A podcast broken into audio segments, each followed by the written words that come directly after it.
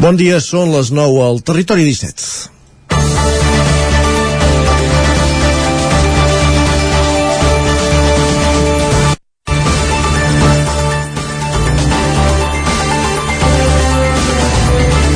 Va haver-hi uns anys que banyar-se al riu era entre poc i habitual i mal vist. Es feien rieres i gorgues allunyades dels grans nuclis de població i ho sabien els veïns de l'entorn i poc més. L'accés al medi natural s'ha popularitzat en els darrers anys i de la popularització a la massificació en espais no preparats per rebre molta gent hi ha un pas i més quan a aquests espais pràcticament s'hi arriba en cotxe. En trobaríem diferents exemples al territori 17, al Montseny, a l'entorn dels Ingles de Bertí, al Coll Sacabra, a la Riera de Merlès o al torrent de la Cabana de Can de Bànol.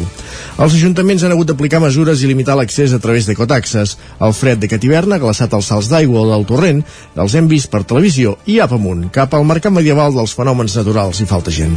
La gent porta gent i Jesús i paciència. L'Ajuntament de Can de Bànol ha reaccionat ràpid. Les mesures ja les coneixen perquè les apliquen a l'estiu i per tant només cal reactivar-les. Dissabte escoltaven les reaccions d'alguns visitants criticant que es faci pagar entrada sense ser conscients que formen part d'un peix que es mossega la cua. L'espai és el que és, suporta el que suporta i s'ha de preservar. Si tothom hi vol accedir, s'ha de regular. Ens meravellem de, amb el fenomen, volem tenir la foto que té tothom, però no entenem que la nostra presència allà provoca un impacte i si no ho fem nosaltres, algú l'ha de mitigar. En parlarem a l'entrevista a partir d'un quart d'onze amb Dolors Costa, alcaldessa de Can de Bànol ennadalats, eurovisionats i havent-nos fet la foto davant d'un salt d'aigua glaçat és dilluns 31 de gener i comença el Territori 17 a la sintonia de la veu de Sant Joan, Ona Codinenca, Ràdio Cardedeu, Ràdio Vic, el 9 FM i el 9 TV. Territori 17, amb Isaac Moreno i Jordi Sunyer.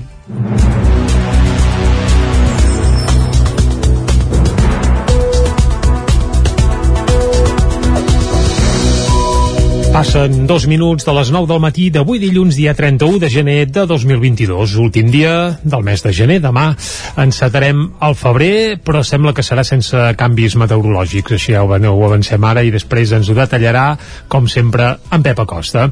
Què més farem avui? Doncs després d'acostar-vos de nou l'actualitat de casa nostra i casa vostra, com fem sempre durant la primera hora.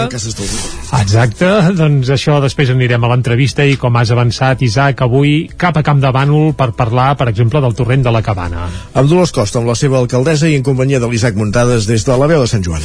A dos quarts d'onze arribaran les piulades amb Guillem Sánchez, passarem per la taula de redacció i avui toca repassar com ha anat el cap de setmana esportivament parlant. En connexió amb les diferents emissores que fan el territori 17 i sabent que han fet els equips de cada territori.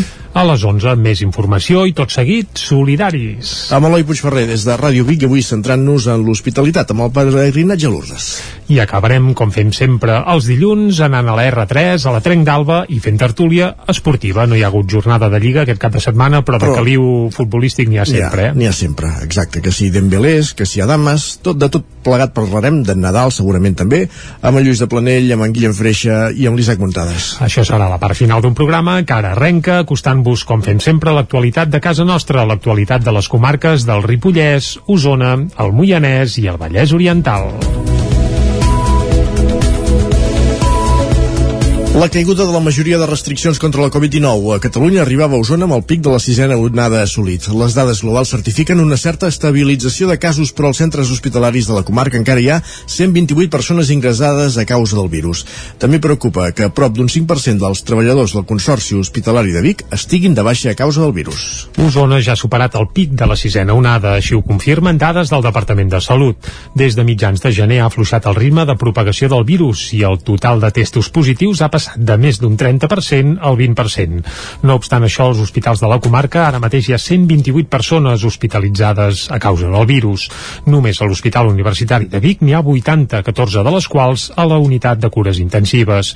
Una xifra que baixa lleugerament respecte a la setmana passada, quan hi havia 88 persones ingressades.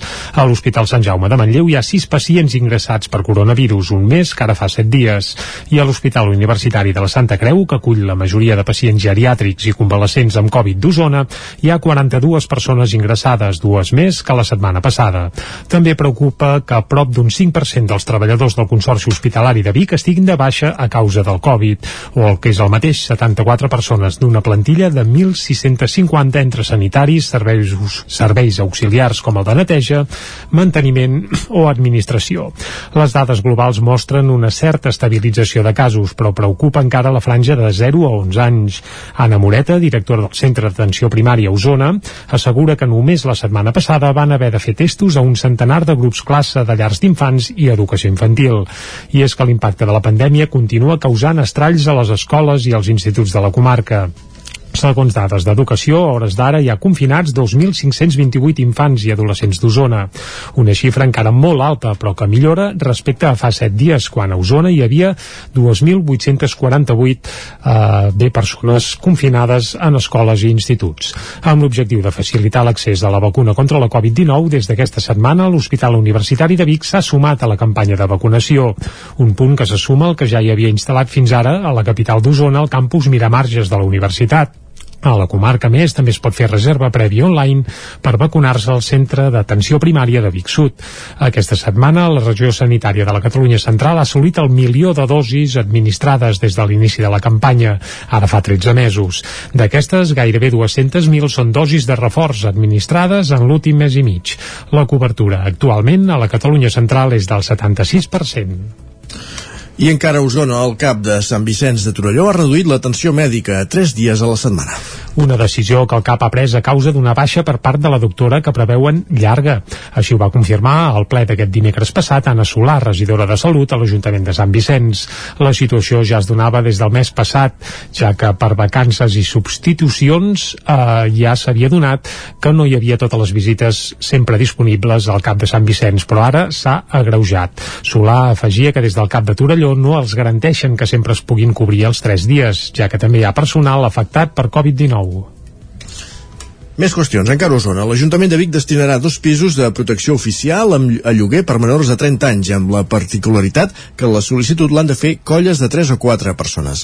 L'objectiu d'aquesta iniciativa és intentar retenir el jovent a la ciutat, una zona d'habitatge tensionat, amb lloguers d'uns 400 euros, un preu inferior a la resta del mercat biguetà. Un pis al barri del Remei i un altre a la plaça d'Osona. Aquests són els dos habitatges propietat de l'Ajuntament de Vic que es posaran a disposició dels menors de 30 anys de la ciutat amb un lloguer assequible, uns 400 400 euros mensuals aproximadament. L'objectiu és facilitar l'emancipació dels joves, una de les demandes recollides en el Pla Local de Joventut. Ho expliquen Elisabet Franquesa, regidora d'Educació i Joves de l'Ajuntament, i Fabiana Palmero, regidora d'Urbanisme també a l'Ajuntament de Vic. És una demanda que sempre surt, no? aquesta eh, autonomia que ells demanen, aquesta necessitat de tenir el propi habitatge, i això va ser una mica el que ens va encadenar desenvolupar el projecte aquest que avui eh, comencem amb molta il·lusió, que serà, suposem, molt ben rebut per la, per la població jove de la ciutat. Des del Vic Jove anem treballant amb aquests joves, sempre imaginem no un jove molt jove, però no, el Vic Jove arribem fins als 30 anys. Això va en la línia de les polítiques que volem per la ciutat, és a dir, volem pisos assequibles eh, per col·lectius vulnerables i per col·lectius que no disposen de poder accedir lliurement al mercat perquè no hi ha manera d'accedir amb els preus eh, de mercat. La peculiaritat de la iniciativa és que per poder accedir a aquests pisos d'entre 3 i 4 habitacions, la sol·licitud s'ha de fer en grups de 3 o 4 persones, a més a més d'estar empadronat a Vic, com ja era habitual en aquest tipus de convocatòria d'habitatges, de manera que s'evita que els sol·licitants acabin sent estudiants. El registre de la sol·licitud es pot fer fins al 28 de febrer i la colla que obtingui un dels pisos tindrà dret a un contracte d'un mínim de 7 anys. Míriam Foradada és la responsable de l'Oficina Municipal d'Habitatge preu de l'habitatge rondarà al voltant d'uns 400 euros, dèiem aproximadament, i llavors també hem posat uns barems que sortiran a publicats, que és perquè per tots els requisits que, que s'han de complir per poder accedir en aquests, en aquests habitatges. Un d'ells és que estiguin empadronats a la ciutat de Vic i que portin un temps empadronats a la ciutat de Vic, no? per evitar que vinguin estudiants de fora i que ocupin aquests pisos un grup d'estudiants La voluntat del consistori biguetà és continuar ampliant el parc d'habitatges del consistori en pisos buits de grans tenidors per oferir-los en lloguer assequible. Palmero també va explicar que es treballa en la redacció del plec de clàusules per crear habitatge cooperatiu en l'edificació sense acabar que hi ha al barri de la Serra de Sant Ferm. Gràcies, Jordi. I anem cap al Ripollès perquè el nou carrer València de Camprodon serà de plataforma única, sense barreres arquitectòniques i amb cotxes i vianants. Isaac Muntades, des de la veu de Sant Joan. Dijous passat, l'Ajuntament de Camprodon va presentar a la sala de plens com serà el projecte d'urbanització del nou carrer València de Camprodon arran del procés participatiu que es va fer la tardor passada. El consistori va anunciar que el carrer serà d'una sola peça amb plataforma única i sense barreres arquitectòniques. L'alcalde Xavier Guitar va recordar que en gran part l'obra ve finançada pel Pla Únic d'Obres i Serveis i la Diputació de Girona i tindrà un cost total de 476.000 euros. Aquesta setmana s'ha obert la licitació i es poden presentar propostes fins al 15 de febrer. La urbanització del carrer té un termini d'execució de 4 mesos i podria estar enllestit al juliol. Guitar va anunciar que s'haurà de passar la Setmana Santa i la Festa Major del juny com es pugui, però que en cap moment els veïns o els comerciants veuran afectat l'accés als seus pisos o negocis. L'arquitecte municipal Joan Tenes va recordar que el carrer València és un punt neuràlgic per Camprodon perquè és l'eix comercial per excel·lència i és un estructurador de la vialitat municipal de primer ordre. El carrer mesura 250 metres que connecten la plaça Cèsar August Torres amb la de Santa Maria amb un desnivell de 5 metres. Tenes va detallar que la plataforma única, un dels punts més votats per la ciutadania, optarà per una línia de neutralitat i s'allunyarà de les estridències formals, buscant una escala d'actuació i confinant retalls de paviment amb peces d'una certa mida que permetran incorporar-hi reixes cada 50 metres per la recollida d'aigües pluvials. Tampoc no hi haurà obstacles ni separadors de la calçada. El color del paviment, que en forma de taques tindrà dues tonalitats diferents col·locades a trencajunt, permetrà que no es vegi una uniformitat total. Per Tenes, els materials utilitzats també eren un punt molt important. Ha estat la de buscar els materials més adients que s'ajustessin a aquest resultat formal que es persegueix quan les exigències derivades de la mateixa climatologia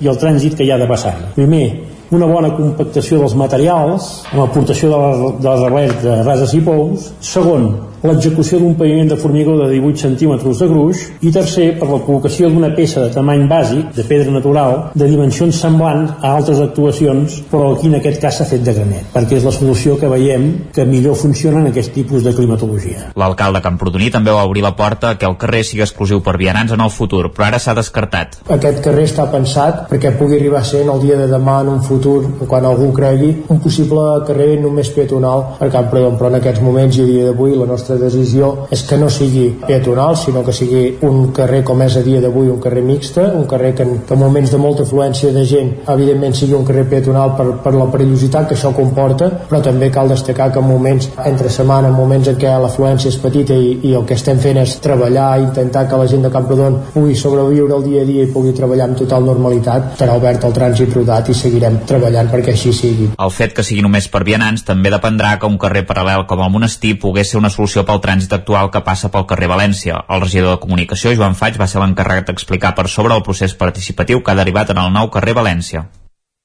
Gràcies, Isaac. Més qüestions. El col·lectiu perquè no ens fotin el tren està d'aniversari. L'anunci aquest dijous de l'adjudicació de les obres de desdoblament de la línia R3 entre Parets i la Garriga per part de DIF va ser una de les millors notícies que podia rebre el col·lectiu, coincidint amb l'inici del seu novè eh, aniversari.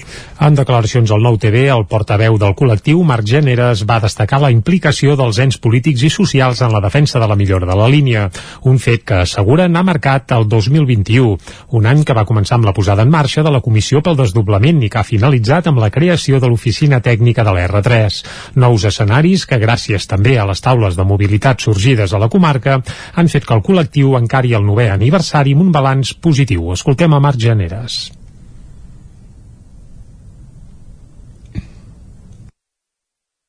Eh, en concret de l'any passat doncs, també la taula mobilitat d'Osona va materialitzar una sessió específica de, de la R3 i un balanç, unes, uns posicionaments doncs, del, del Consell d'Alcaldes d'Osona molt positius, una materialització d'una oficina tècnica que vetlli per la concreció eh, tècnica de, de tot això i per tant doncs, eh, ha estat un any positiu el de 2021 que esperem que les obres realment s'executin bé i, i vagin consolidant un, una certa sensació positiva que intentem que sigui el nostre esperit en el tren. No ens agrada pas haver de, de, de ser rondinaires del tren, sinó tot al revés. Ens agradaria poder estar invitant a la resta de ciutadania a, a fer servir el tren, que pensem que és realment imprescindible. Al nou any, el col·lectiu li demana fermesa per part dels polítics perquè el desdoblament de la línia R3 continuï ara al tram usonenc. Per això demanen que es comencin a concretar les actuacions que es faran a curt i mitjà termini per tal d'aconseguir-ho. Sant Feliu de Codines ha tancat aquest diumenge al vespre les primeres jornades Pompeu Fabra impulsades per la secció local d'Òmnium Cultural amb el lema Llengua, Repressió i Exili. Caral Campàs, des d'Ona Codinenca. L'activitat que ha portat un total de 7 conferències i 3 exposicions al municipi ha tingut un seguiment molt elevat. La sala de teatre del centre cívic es va omplir de totes les xerrades, especialment en les de diumenge a la tarda dedicades a la Guerra Civil i a la repressió al segle XXI. L'organització en feia una valoració molt positiva. Escoltem Lluís Llopis, de la secció local d'Òmnium, i la presidenta de l'entitat del Vallès Oriental, Clàudia García Novellón és molt encalent perquè fa 5 minuts s'ha acabat tot, no? Però la gent, jo em quedo amb el que pensa la gent, la gent estan molt contents i parlen de rigor, de sensibilitat, de feina ben feta, de nivell, bé, està bé, ha de ser així, no? Si fem les coses hem de mirar de fer-les al màxim de bé que puguem. Doncs la veritat és que molt contents de, de la bona rebuda que hem tingut, no només amb gent també de, de Sant Feliu, però també doncs, de la comarca. Esperem que a més a més sigui una cita, com dèiem, no? que estigui marcada al calendari eh, per tots els codinencs i codinenques, però també per tots els altres eh, ciutadans de la comarca, que sigui una fita per Òmnium Vallès Oriental, que sigui no només un àmbit local, sinó que sigui d'aquest àmbit més comarcal. Les jornades neixen amb vocació de tenir continuïtat i poder portar cada any, a finals de gener, el debat i la reflexió al voltant de la llengua i d'altres temàtiques. Arran de la bona acollida de la recollida de testimonis sobre la Guerra Civil a Sant Feliu, Òmnium crearà una comissió dedicada a treballar per a la recuperació de la memòria històrica local. Pompeu Fabra va marxar a l'exili des de la casa familiar de Sant Feliu, on feia uns mesos que s'havia instal·lat la matinada del 24 de gener de 1939. Gràcies. Caral, acabem aquí aquest repàs informatiu que hem fet en companyia des de les 9 de Jordi Sunyer, Isaac Muntades, Caral Campàs i Núria Lázaro. Moment ara de conèixer la previsió meteorològica, com cada matí al Territori 17. I encara que el temps estigui predominat per la monotonia, volem que ens ho expliqui en Pep Acosta.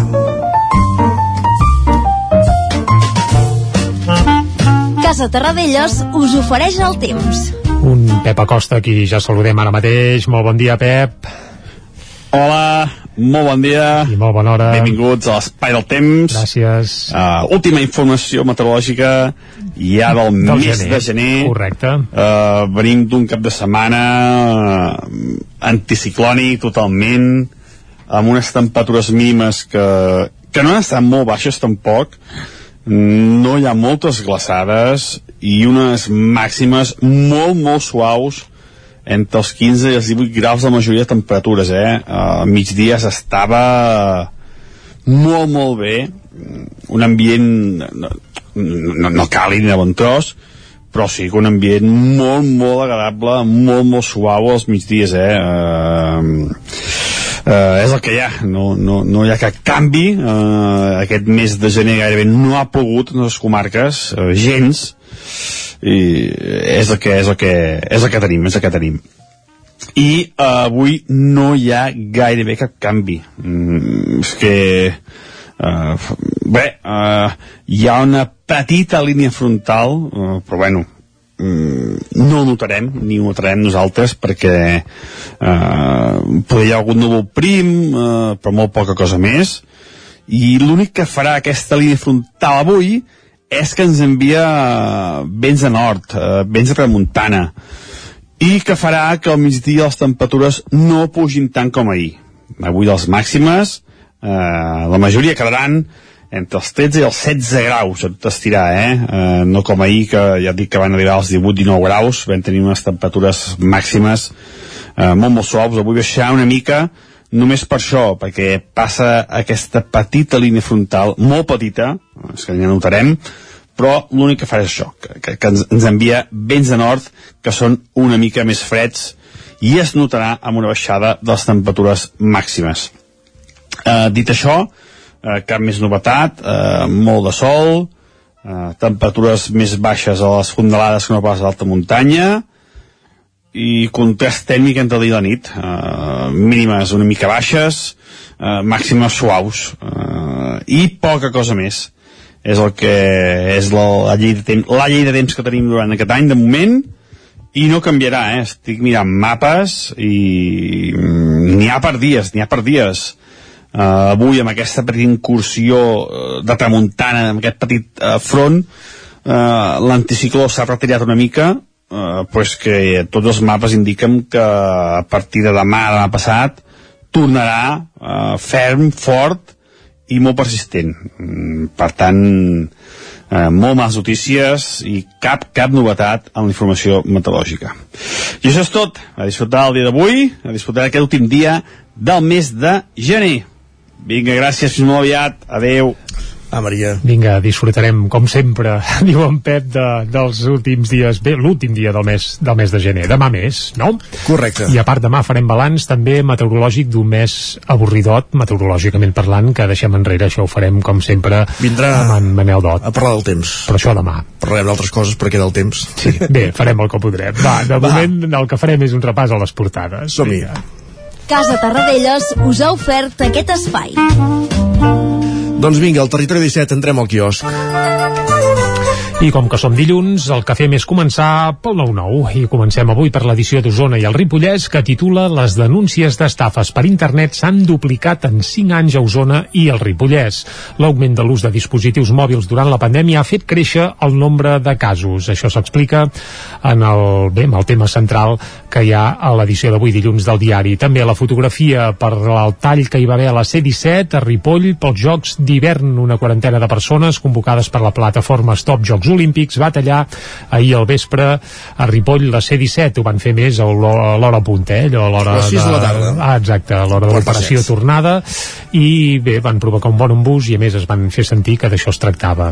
També parada pel castellà a Vic. Ahir, sense permís, finalment hi va haver una paradeta de la plataforma Escuela de Todos al Mercat del Remei de Vic. Que va passar sense pena ni glòria. Sí, que bueno, bàsicament van muntar la paradeta, es van fer quatre fotos, van venir quatre polítics dels colors que ja ens imaginem I quatre se'n van anar. dels Correcte. Uh, parlarem a l'informatiu de les 10, en donarem algun detall més. També Sergi Carbonell, uh, exteclista de Xarango, inicia l'etapa post-Xarango amb un nou disc, un nou disc que, atenció, va anar a gravar a Budapest amb una orquestra així de música clàssica, per tant, una cosa ben curiosa. Molt bé. El disc, per cert, es va estrenar ahir diumenge i es diu Ubuntu. Anem cap al 9-9 del Vallès Oriental. Titular principal, les llicències d'obres majors a Granollers ja superen les d'abans de la pandèmia. A la ciutat s'hi faran prop de 100 700 habitatges nous en els propers anys. La fotografia principal per la Garriga que recorda el bombardeig. El cementiri de la Doma i el Patronat van ser l'escenari de l'homenatge a les víctimes, en aquest cas a la Garriga. També apareix que l'Esbart d'Ensaire de Granollers inicia els actes del seu 90è aniversari, van començar aquest cap de setmana, i controls als polígons. Les policies locals i els Mossos eh, fan controls als polígons per evitar, eh, bàsicament, que s'hi vagin a fer botellots i festes així sense permís. Això va passar el cap de setmana al Vallès Oriental. Anem a fer un cop d'ull a les portades que s'editen des d'àmbit nacional i comencem com fem sempre pel punt avui titular principal, dependents de les nuclears Catalunya avança poc en l'energia renovable i depèn encara de la importació d'energia elèctrica. També França, França presumeix d'un sistema envellit, presumeix bàsicament de nuclears, en aquest sentit s'apunta el punt avui, i la fotografia principal per Castells, i és que el món casteller fa pinya. Representants de 26 formacions castelleres es, es van trobar aquest cap de setmana a Valls, on estaven d'aquesta festa que són les decenals, és una festa que es fa un cop cada 10 anys, Clar, i la fan eh, bé, a, a dalt de tot eh? l'havien de fer l'any passat ja, la van ajornar per culpa de la Covid i aquest any sí que, sí que l'han fet Molt bé. Anem cap a l'ara. El, el socialista Antonio Costa guanya a Portugal. Aquest cap de setmana hi havia eleccions a l'estat veí, bé, veí del veí, diguem-ne, i l'actual primer ministre millora els resultats del 2019, però els seus socis retrocedeixen. L'extrema dreta de Chega puja fins a convertir- convertir-se en la tercera força al Parlament portuguès. La fotografia principal és per Rafa Nadal, que fa història a Melbourne. Ahir va guanyar l'Open d'Austràlia i ja és el tenista doncs, més llorejat Amb de més grans tots els temps, correcte.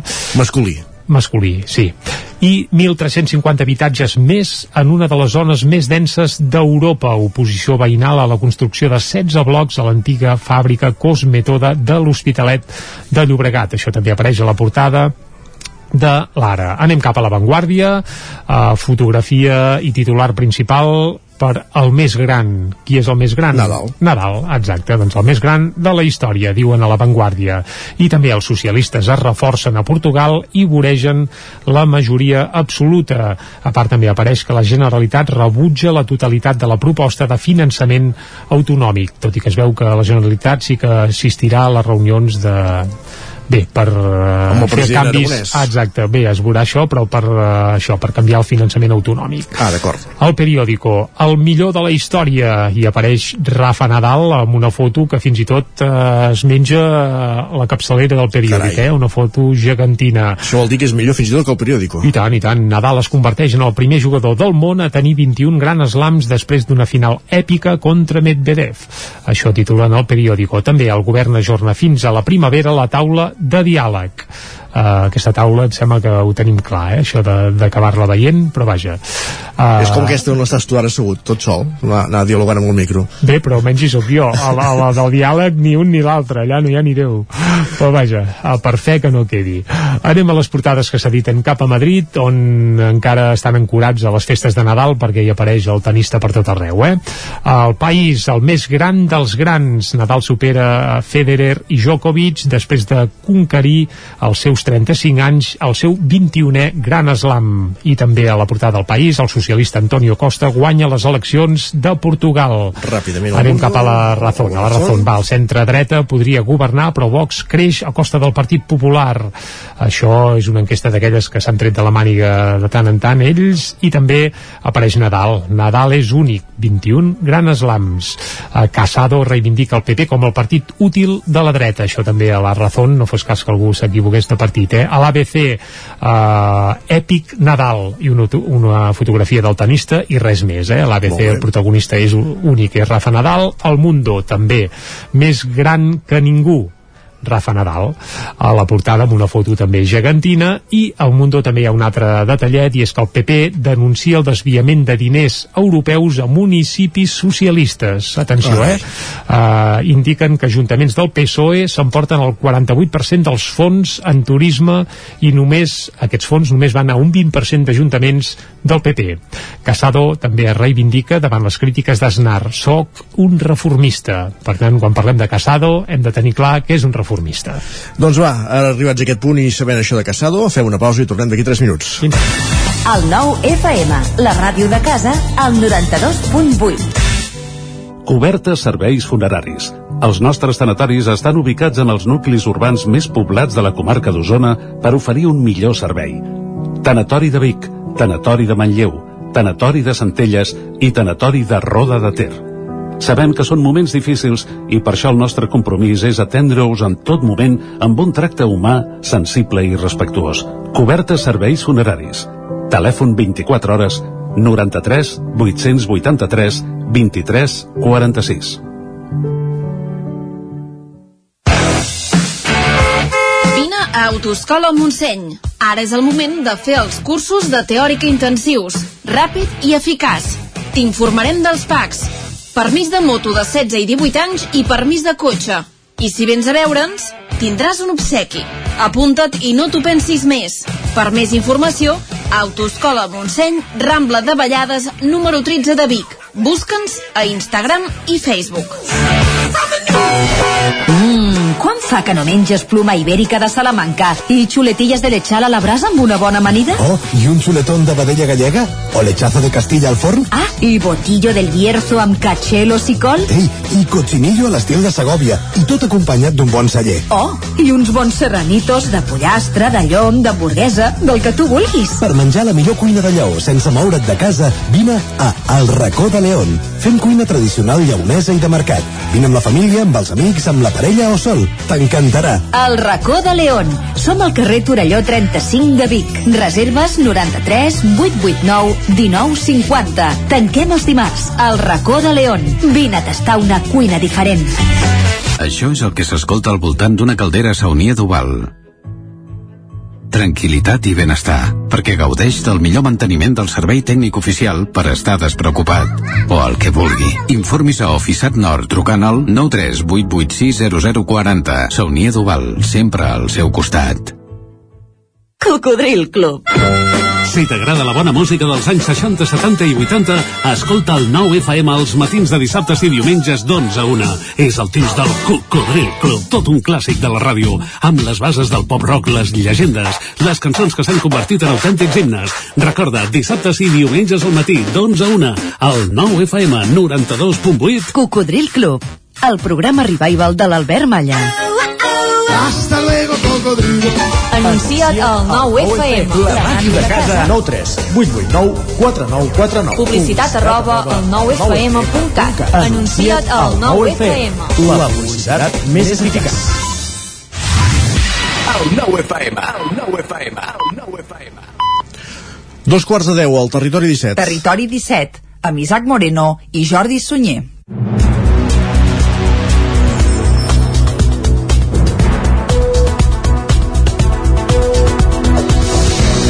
I a dos quarts de deu en punt d'avui dilluns dia 31 de gener el que toca de seguida és acostar-vos de nou tota l'actualitat de casa nostra. Abans però ja us eh, fem una mica de resum de tot el que tenim fins al punt de les 12 del migdia. Abans de les 10 hi posarem música. Què és I això de la avui- cançó del paraulògic? Ah, ah, doncs ho descobrirem de seguida. Ja et xafar la guitarra, ja ho, ja ho veig, però... No, no, ja està bé, ja està bé fer, Caliu. fer caliu, ja exacte, posar la mel als llavis a la gent que ens escolta des de casa, perquè suposo que tots esteu enganxats al encara et dura amb tu, Isaac, Sí, o no? i ara encara n'he descobert un de pitjor. Ara, pla, quin? No és de llengua aquest, eh? és d'endevinar, eh, anar comparant la dimensió de població de tots els pobles de Catalunya. I, va, I en van sortint dos pobles i has d'anar comparant quin té més, a menys, quin té més habitants i quin menys. Uf, no el conec aquest, eh? eh ja te'l passaré. És divertit, passa'm-el, Però doncs em posa molt nerviós, eh? T'aviso. Uf, va, doncs avui el paraulògic, que a part de ser un joc, ara ja té una cançó que la veritat és que a més a més està molt bé i la posarem avui aquí a Territori 17 per això, deixondir-nos i amorosir-nos una mica les orelles. Va. Molt bé. A les 10, més informació i després a l'entrevista anirem cap a Camp de Bànol. Parlarem amb la seva alcaldessa, amb Dolors Costa, sobre les limitacions d'accés al torrent de la Cabana i en companyia d'un altre cant de Banolenc il·lustre, l'Isaac Muntades, des de la veu de Sant Joan. A dos quarts d'onze, piulades, tot seguit taula de redacció i després arribarà el moment de fer el repàs esportiu al cap de setmana. Repassarem com ha anat la jornada pels equips del Territori 17 en connexió amb les diferents emissores per saber el detall de cada comarca. A les 11, més informació i tot seguit els solidaris amb Eloi Puigferrer. Des de Ràdio Vic, avui endinsant-nos en el peregrinatge a Lourdes. A dos quarts de dotze, com cada dia serà el moment de pujar al tren, a la R3, i tots els dilluns acabem fent tertúlia esportiva. Amb Lluís Planell, Isaac Muntades, Guillem Freixa, parlarem de l'actualitat del Barça i d'altres fenòmens esportius del cap de setmana. Ah, està bé això de fenòmens esportius del cap de setmana. Va, això serà la part final del programa. Ara, però, el que toca és acostar-vos de nou l'actualitat de casa nostra, l'actualitat de les comarques d'Osona, el Ripollès, el Moianès i el Vallès Oriental. La caiguda de la majoria de restriccions contra la Covid-19 a Catalunya arribava a Osona amb el pic de la sisena onada assolit. Les dades globals certifiquen una certa estabilització de casos, però als centres hospitalaris de la comarca encara hi ha 128 persones ingressades a causa del virus. També preocupa que prop d'un 5% dels treballadors del Consorci Hospitalari de Vic estiguin de baixa a causa del virus. Osona ja ha superat el pic de la sisena onada, així ho confirmen dades del Departament de Salut. Des de mitjans de gener ha afluixat el ritme de propagació del virus i el total de testos positius ha passat de més d'un 30% al 20%. No obstant això, als hospitals de la comarca ara mateix hi ha 128 persones hospitalitzades a causa del virus. Només a l'Hospital Universitari de Vic n'hi ha 80, 14 de les quals a la unitat de cures intensives. Una xifra que baixa lleugerament respecte a la setmana passada, quan hi havia 88 persones ingressades. A l'Hospital Sant Jaume de Manlleu hi ha 6 pacients ingressats per coronavirus, un mes que ara fa 7 dies. I a l'Hospital Universitari de la Santa Creu, que acull la majoria de pacients geriàtrics i convalescents amb Covid d'Osona, hi ha 42 persones ingressades, dues més que la setmana passada.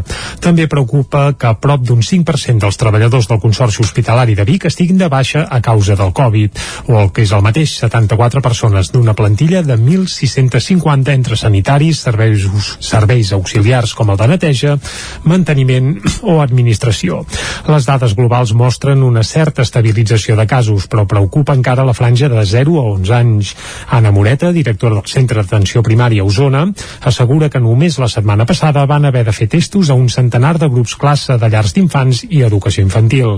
I és que l'impacte de la pandèmia continua causant estralls a les escoles i als instituts de la comarca. Segons dades d'educació, a hores d'ara hi ha confinats 2.528 infants i adolescents d'Osona. Una xifra encara molt alta, però que millora respecte a fa 7 dies, quan a Osona hi havia 2.848 eh, bé persones confinades en escoles i instituts. Amb l'objectiu de facilitar l'accés de la vacuna contra la Covid-19, des d'aquesta setmana l'Hospital Universitari de Vic s'ha sumat a la campanya de vacunació. Un punt que se suma al que ja hi havia instal·lat fins ara a la capital d'Osona, al campus Miramarges de la universitat. A la comarca més també es pot fer reserva prèvia online per vacunar-se al centre d'atenció primària de Vic Sud. Aquesta setmana la regió sanitària de la Catalunya Central ha assolit el milió de dosis administrades des de l'inici de la campanya, ara fa 13 mesos. D'aquestes, gairebé 200.000 són dosis de reforç administrades en l'últim mes i mig. La cobertura actualment a la Catalunya Central és del 76%. I encara a Osona, el cap de Sant Vicenç de Torelló ha reduït l'atenció mèdica a 3 dies a la setmana. Una decisió que el CAP ha pres a causa d'una baixa per part de la doctora que preveuen llarga. Així ho va confirmar al ple d'aquest dimecres passat Anna Solà, regidora de Salut a l'Ajuntament de Sant Vicenç. La situació ja es donava des del mes passat, ja que per vacances i substitucions eh, ja s'havia donat que no hi havia totes les visites sempre disponibles al CAP de Sant Vicenç, però ara s'ha agreujat. Solà afegia que des del CAP de Torelló no els garanteixen que sempre es puguin cobrir els 3 dies, ja que també hi ha personal afectat per Covid-19. Més qüestions. Encara a Osona, l'Ajuntament de Vic destinarà dos pisos de protecció oficial a lloguer per menors de 30 anys, amb la particularitat que la sol·licitud l'han de fer colles de 3 o 4 persones. L'objectiu d'aquesta iniciativa és intentar retenir el jovent a la ciutat, una zona d'habitatge tensionat, amb lloguers d'uns 400 euros, un preu inferior a la resta del mercat biguetà. Un pis al barri del Remei i un altre a la plaça d'Osona. Aquests són els dos habitatges propietat de l'Ajuntament de Vic que es posaran a disposició dels menors de 30 anys de la ciutat amb un lloguer assequible, uns 400 400 euros mensuals aproximadament. L'objectiu és facilitar l'emancipació dels joves, una de les demandes recollides en el Pla Local de Joventut. Ho expliquen Elisabet Franquesa, regidora d'Educació i Joves de l'Ajuntament, i Fabiana Palmero, regidora d'Urbanisme també a l'Ajuntament de Vic. És una demanda que sempre surt, no? aquesta eh, autonomia que ells demanen, aquesta necessitat de tenir el propi habitatge, i això va ser una mica el que ens va encadenar desenvolupar el projecte aquest que avui eh, comencem amb molta il·lusió, que serà, suposem, molt ben rebut per la, per la població jove de la ciutat. Des del Vic Jove anem treballant amb aquests joves, sempre imaginem no un jove molt jove, però no, Vic Jove arribem fins als 30 anys. Això va en la línia de les polítiques que volem per la ciutat, és a dir, volem pisos assequibles eh, per col·lectius vulnerables i per col·lectius que no disposen de poder accedir lliurement a, al mercat perquè no hi ha manera d'accedir amb els preus eh, de mercat. La peculiaritat de la iniciativa és que per poder accedir a aquests pisos d'entre 3 i 4 habitacions, la sol·licitud s'ha de fer en grups de 3 o 4 persones, a més a més d'estar empadronat a Vic, com ja era habitual en aquest tipus de convocatòria d'habitatges, de manera que s'evita que els sol·licitants acabin sent estudiants. El registre de la sol·licitud es pot fer fins al 28 de febrer i la colla que obtingui un dels pisos tindrà dret a un contracte d'un mínim de 7 anys. Míriam Foradada és la responsable de l'Oficina Municipal d'Habitatge l'habitatge? El de l'habitatge rondarà al voltant d'uns 400 euros, dèiem aproximadament, i llavors també hem posat uns barems que sortiran publicats, que és perquè per tots els requisits que, que s'han de complir per poder accedir en aquests, en aquests habitatges. Un d'ells és que estiguin empadronats a la ciutat de Vic, i que portin un temps empadronats a la ciutat de Vic, no? per evitar que vinguin estudiants de fora i que ocupin aquests pisos un grup d'estudiants la voluntat del consistori biguetà és continuar ampliant el parc d'habitatges del consistori en pisos buits de grans tenidors per oferir-los en lloguer assequible. Palmero també va explicar que es treballa en la redacció del plec de clàusules per crear habitatge cooperatiu en l'edificació sense acabar que hi ha al barri de la Serra de Sant Ferm. Gràcies Jordi, i anem cap al Ripollès perquè el nou carrer València de Camprodon serà de plataforma única, sense barreres arquitectòniques i amb cotxes i vianants. Isaac Muntades, des de la veu de Sant Joan. Dijous passat, l'Ajuntament de Camprodon Camprodon va presentar a la sala de plens com serà el projecte d'urbanització del nou carrer València de Camprodon arran del procés participatiu que es va fer la tardor passada. El consistori va anunciar que el carrer serà d'una sola peça amb plataforma única i sense barreres arquitectòniques. L'alcalde Xavier Guitar va recordar que en gran part l'obra ve finançada pel Pla Únic d'Obres i Serveis i la Diputació de Girona i tindrà un cost total de 476.000 euros. Aquesta setmana s'ha obert la licitació i es poden presentar propostes fins al 15 de febrer. La urbanització del carrer té un termini d'execució de 4 mesos i podria estar enllestit al juliol. Guitar va anunciar que s'haurà de passar la Setmana Santa i la Festa Major del juny com es pugui, però que en cap moment els veïns o els comerciants veuran afectat l'accés als seus pisos o negocis. L'arquitecte municipal Joan Tenes va recordar que el carrer València és un punt neuràlgic per Camprodon perquè és l'eix comercial per excel·lència i és un estructurador de la vialitat municipal de primer ordre. El carrer mesura 250 metres que connecten la plaça Cèsar August Torres amb la de Santa Maria amb un desnivell de 5 metres. Tenes va detallar que la plataforma única, un dels punts més votats per la ciutadania, optarà per una línia de neutralitat i s'allunyarà de les estridències formals, buscant una escala d'actuació i confinant retalls de paviment amb peces d'una certa mida que permetran incorporar-hi reixes cada 50 metres per la recollida d'aigües pluvials. Tampoc no hi haurà obstacles ni separadors de la calçada. El color del paviment, que en forma de taques tindrà dues tonalitats diferents col·locades a junt, permetrà que no es vegi una uniformitat total. Per tenes, els materials utilitzats també eren un punt molt important. Ha estat la de buscar els materials més adients que s'ajustessin a aquest resultat formal que es persegueix quan les exigències derivades de la mateixa climatologia i el trànsit que hi ha de passar. Primer, una bona compactació dels materials, amb aportació de, les, de les arrels de bases i pous. Segon, l'execució d'un paviment de formigó de 18 centímetres de gruix. I tercer, per la col·locació d'una peça de tamany bàsic, de pedra natural, de dimensions semblants a altres actuacions, però aquí en aquest cas s'ha fet de granet, perquè és la solució que veiem que millor funciona en aquest tipus de climatologia. L'alcalde Camprodoní també va obrir la porta que el carrer sigui exclusiu per vianants en el futur, però ara s'ha descartat. Aquest carrer està pensat perquè pugui arribar a ser en el dia de demà en un futur, quan algú cregui, un possible carrer només peatonal per Camprodon, però en aquests moments i a dia d'avui la nostra decisió és que no sigui peatonal, sinó que sigui un carrer com és a dia d'avui, un carrer mixta, un carrer que, que en moments de molta afluència de gent, evidentment sigui un carrer peatonal per, per la perillositat que això comporta, però també cal destacar que en moments entre setmana, en moments en què l'afluència és petita i, i el que estem fent és treballar, intentar que la gent de Camprodon pugui sobreviure el dia a dia i pugui treballar amb total normalitat, estarà obert el trànsit rodat i seguirem treballant perquè així sigui. El fet que sigui només per vianants també dependrà que un carrer paral·lel com el Monestir pogués ser una solució pel trànsit actual que passa pel carrer València. El regidor de Comunicació, Joan Faig, va ser l'encarregat d'explicar per sobre el procés participatiu que ha derivat en el nou carrer València. Gràcies, Isaac. Més qüestions. El col·lectiu perquè no ens fotin el tren està d'aniversari. L'anunci aquest dijous de l'adjudicació de les obres de desdoblament de la línia R3 entre Parets i la Garriga per part de DIF va ser una de les millors notícies que podia rebre el col·lectiu, coincidint amb l'inici del seu novè eh, aniversari. En declaracions al Nou TV, el portaveu del col·lectiu, Marc Generes, va destacar la implicació dels ens polítics i socials en la defensa de la millora de la línia, un fet que asseguren ha marcat el 2021, un any que va començar amb la posada en marxa de la Comissió pel Desdoblament i que ha finalitzat amb la creació de l'oficina tècnica de l'R3. Nous escenaris que, gràcies també a les taules de mobilitat sorgides a la comarca, han fet que el col·lectiu encari el novè aniversari amb un balanç positiu. Escoltem a Marc Generes. Eh, en concret de l'any passat doncs, també la taula mobilitat d'Osona va materialitzar una sessió específica de, de la R3 i un balanç, unes, uns posicionaments doncs, del, del Consell d'Alcaldes d'Osona molt positius, una materialització d'una oficina tècnica que vetlli per la concreció eh, tècnica de, de tot això i per tant doncs, eh, ha estat un any positiu el de 2021 que esperem que les obres realment s'executin bé i, i vagin consolidant un, una certa sensació positiva que intentem que sigui el nostre esperit en el tren. No ens agrada pas haver de, de, de ser rondinaires del tren, sinó tot al revés. Ens agradaria poder estar invitant a la resta de ciutadania a, a fer servir el tren, que pensem que és realment imprescindible. Al nou any, el col·lectiu li demana fermesa per part dels polítics perquè el desdoblament de la línia R3 continuï ara al tram usonenc.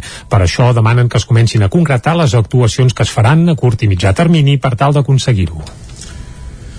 Sant Feliu de Codines ha tancat aquest diumenge al vespre les primeres jornades Pompeu Fabra impulsades per la secció local d'Òmnium Cultural amb el lema Llengua, Repressió i Exili. Caral Campàs, des d'Ona Codinenca.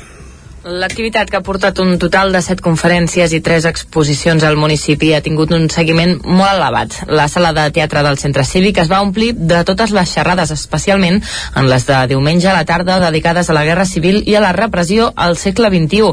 L'organització en feia una valoració molt positiva. Escoltem Lluís Llopis, de la secció local d'Òmnium, i la presidenta de l'entitat del Vallès Oriental, Clàudia García Novellón és molt encalent perquè fa 5 minuts s'ha acabat tot, no?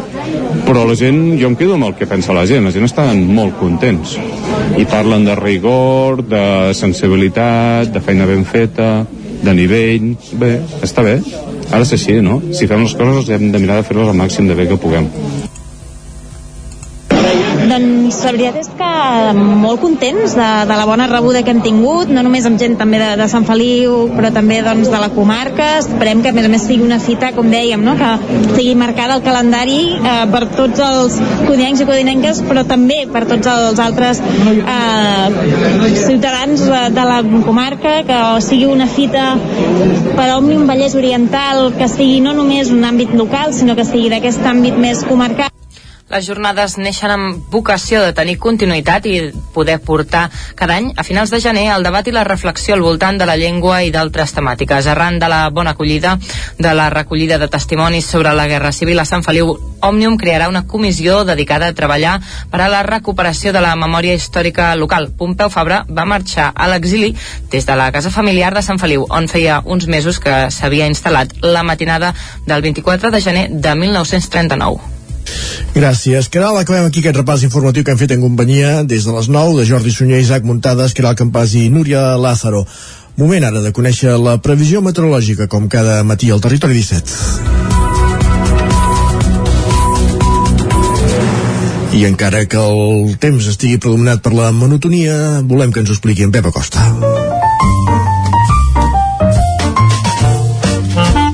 Casa Terradellos us ofereix el temps. Pep Acosta, qui ja saludem ara mateix. Molt bon dia, Pep.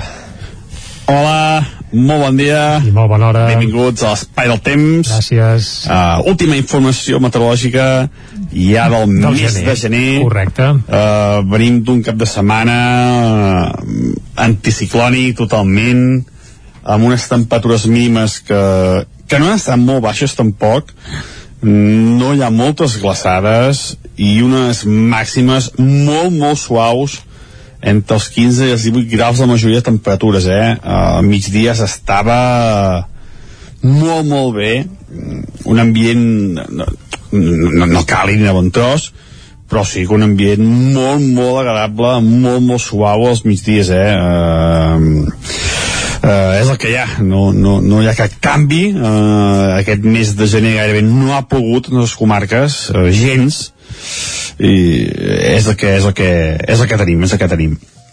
I uh, avui no hi ha gairebé cap canvi. Mm, és que uh, bé uh, hi ha una petita línia frontal uh, però bueno mm, no notarem ni ho notarem nosaltres perquè uh, poder hi ha algun núvol prim uh, però molt poca cosa més.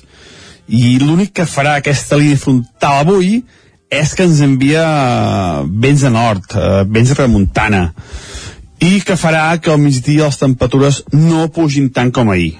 Avui les màximes, eh, la majoria quedaran entre els 13 i els 16 graus tot estirar, eh? eh? no com ahir que ja dic que van arribar als 18-19 graus vam tenir unes temperatures màximes eh, molt molt suaus, avui baixarà una mica només per això, perquè passa aquesta petita línia frontal, molt petita, és que ja notarem, però l'únic que fa és això, que, que, que ens, ens envia vents de nord que són una mica més freds i es notarà amb una baixada de les temperatures màximes.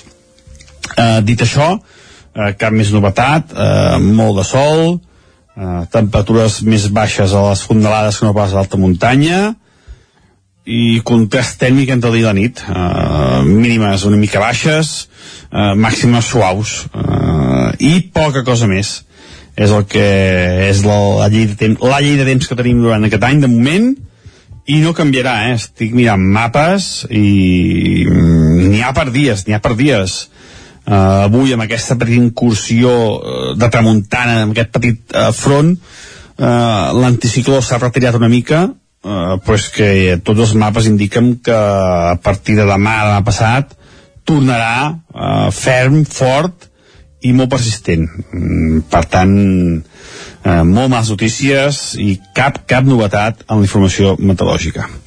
I això és tot. A disfrutar el dia d'avui, a disfrutar aquest últim dia del mes de gener. Vinga, gràcies, fins molt aviat. Adeu. Ah, Maria. Vinga, disfrutarem, com sempre, diu en Pep, de, dels últims dies, bé, l'últim dia del mes, del mes de gener. Demà més, no?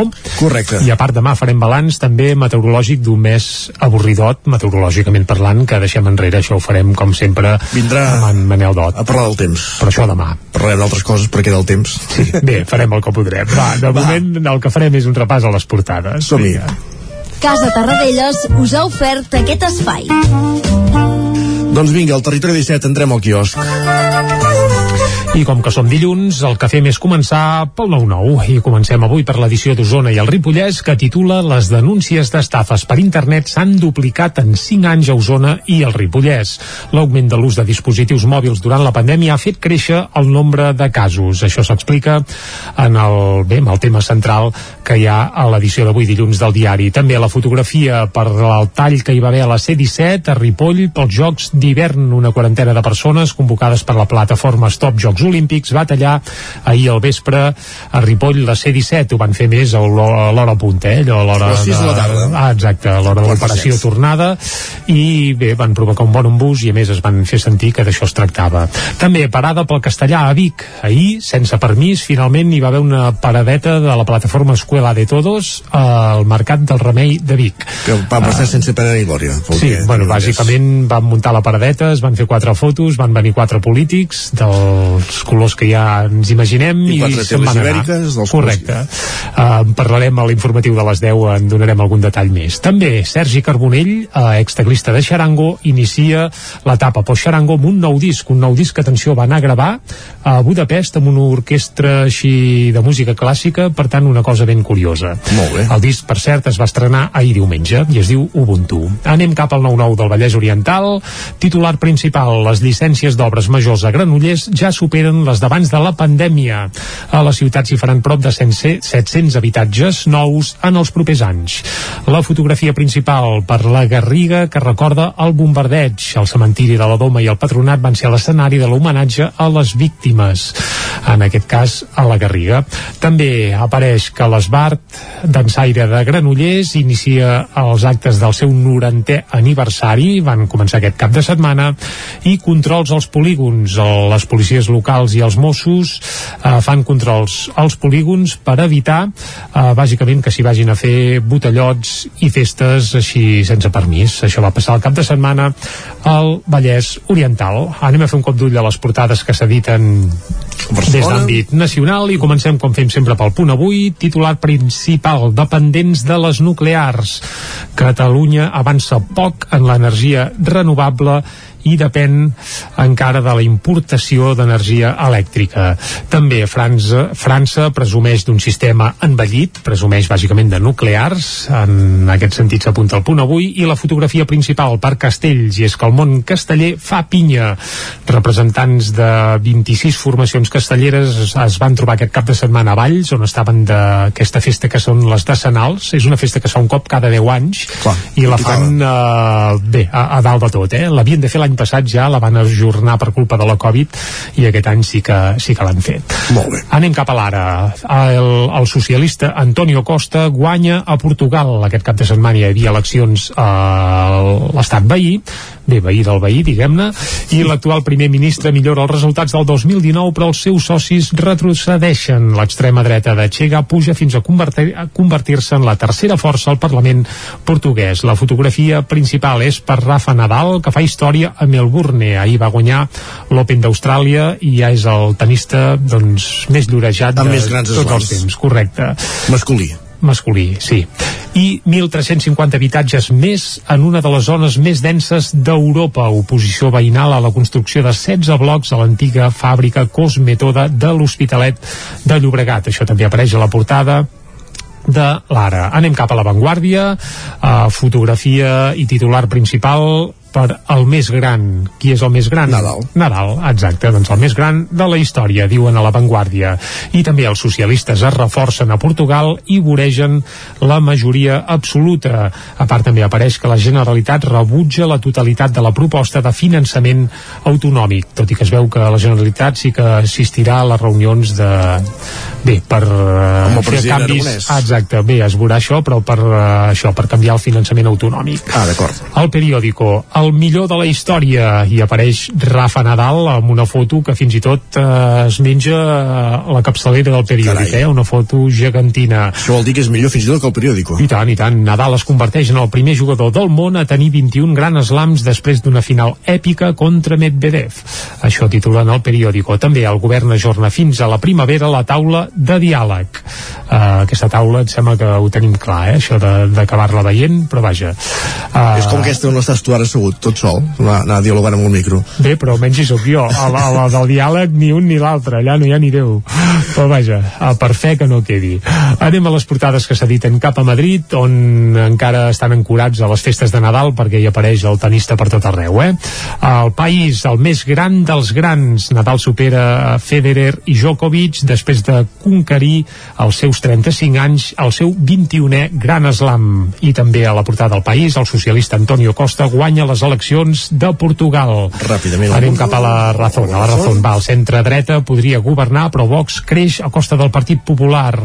Això és una enquesta d'aquelles que s'han tret de la màniga de tant en tant ells, i també apareix Nadal. Nadal és únic, 21 gran slams. Eh, Casado reivindica el PP com el partit útil de la dreta. Això també a la Razón, no fos cas que algú s'equivoqués de partit. Eh? A l'ABC, eh, èpic Nadal, i una, una fotografia del tenista i res més. Eh? A l'ABC el protagonista és únic, és Rafa Nadal. El Mundo, també, més gran que ningú Rafa Nadal a la portada amb una foto també gegantina i al Mundo també hi ha un altre detallet i és que el PP denuncia el desviament de diners europeus a municipis socialistes. Atenció eh? Uh, indiquen que ajuntaments del PSOE s'emporten el 48% dels fons en turisme i només aquests fons només van a un 20% d'ajuntaments del PP Casado també reivindica davant les crítiques d'Aznar. Soc un reformista. Per tant quan parlem de Casado hem de tenir clar que és un reformista Casado i el reformista. Correcte. No sé Què- si, Pedro, reforma? no sé, no sé, però ara tu creus que juga el paraulògic, Casado? Uh, no, perquè no està en castellà. Bé, però deu ser com l'Aznar, no? Vols dir que en la intimitat no té quatre nocions de català, aquest home? No s'ho creu ni ell. Mm, Bé, potser no, potser no. Uh, I aviam, aquell altre joc que has comentat de municipis, abans d'escoltar la cançó, alguna Avui, pista? el que ja he fet avui és el Bu del Cat, jo, eh? El, el, I bé, prou bé. Bu, Bu del El, Cat. el, el Wordle, sí, Wordle. Ah, aquest val. cas també has d'endevinar paraules a partir de lletres, en fi. Uh, aquest ja l'he fet, i el que et deia abans és un que es diu... Aquí, pam, pam. Jackbox, jackbox.cat. Jackbox.cat. L'ha desenvolupat un estudiant, el donava a conèixer aquest cap de setmana a Twitter, i és això, mm, és molt divertit. Pots triar si vols eh, jugar a nivell de comarques o a nivell de tot Catalunya, pots triar la comarca a la que vols jugar, i, es i et van sortint dos municipis, uns dos pobles, i has d'endevinar quin dels dos té més habitants que l'altre. Si ho endevines, el, eh, l'últim que ha sortit passa dalt de tot i n'apareix un de nou, i així, anar, anar, anar comparant. Molt bé, molt bé. Doncs, Sí, eh, clar, si et surt Ripoll i Barcelona és molt fàcil, però Sí, sí, clar, el problema és quan és surten dos, do, dos munici- municipis que no et són de gaire res, de comarques allunyades i que potser tots tenen 73 habitants, o un 73 i l'altre 74, saps? Eh, endevina. Cas Ondena. Uh, és divertit, és divertit. Va, de moment ens quedarem amb el paraulògic, que va ser el gran boom dels jocs així, bé, anava a dir per aplicacions mòbils, etc durant les festes de, de Nadal i continua ben viu i actiu i com que de tot fenomen se n'acaba fent una mica de tot, doncs el paraulògic ja té la seva cançó. Saps, saps què eh, de, eh, saps què he descobert, el paraulògic? Què has descobert, va? Que busquen combinacions de lletres entre setmana per fer menys paraules que el cap de setmana. Ara, això, clar. Al cap de setmana en pots trobar moltes més, si t'hi fixes. Ah, doncs Sí, no, ja no, bé, ho, ho analitzarem, va.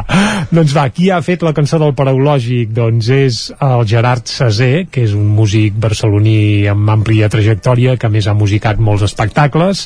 Ell ha fet la música i el Xavi Morató ha fet la lletra. I tots dos l'han penjat precisament a les xarxes aquest cap de setmana i si et sembla l'escoltem de cap a peus perquè és molt divertit. Sí? Doncs va, vinga, Quan estic amb la meva parella, tan sols penso en la lletra vermella i em llevo al matí per mirar les respostes d'ahir. L'apuro, tenia manual, però no anual. No puc treballar o la penya em superarà. Com? Ma mare porta 85 paraules. M'hi he d'esforçar més. Les converses de la sobretaula em serveixen per treure paraules. Demà portem el tanatori. Ah, tanatori! Boníssima, gràcies! M'és igual que la casa s'embruti, jo no em moc fins que no trobi amb tuti. Ai, ja l'he trobat, però em diu que no el desgraciat. Que bolletes és incorrecte! Això no m'ho crec, excepte m'ho puto diec. Parau, lògica detesto perquè no em permets dir puesto però en canvi vols que escrigui un fanó i de com a cadabra tots parlem com Pompeu Fabra en conceptes com bastant de l'antigó Piti, sacerdotessa de l'oracle d'Apolo a Delphi. Però Piti no és un sinà. Parau lògic m'obsessiones perquè dones com a bones les paraules que t'escric sense mirar. Ja no dino, ja no sóc un només jugo, sóc un dropo però almenys estem salvant el català vaig jurar deixar el joc amb urgència, l'addicció quin problema t'ho aborda'l, però per fer-me passar l'abstinència, molt fort vaig enganxar-me al Wordle. Però és massa fàcil. M'estreno el cervell però no pujo de nivell. I va el meu cunyat i em diu que el d'avui l'ha acabat. Parau, lògic, puc fer trampa perquè aquí ningú t'enxampa i si no hi ha una ajudeta no resol. Si no hi ha ningú que em pari, miraré el diccionari per passar d'un cop del maleït mussol. No, he de resistir la temptació. Spoilers, no! Parau lògic sense el tuti crec que acabaré a Can Rutí segur que no seria el primer admès si tothom està Catrina és la nova cocaïna però legal i anunciada a TV3 Parau lògic em crema la ment Són les 10 al Territori 17. Territori 17, amb Isaac Moreno i Jordi Sunyer.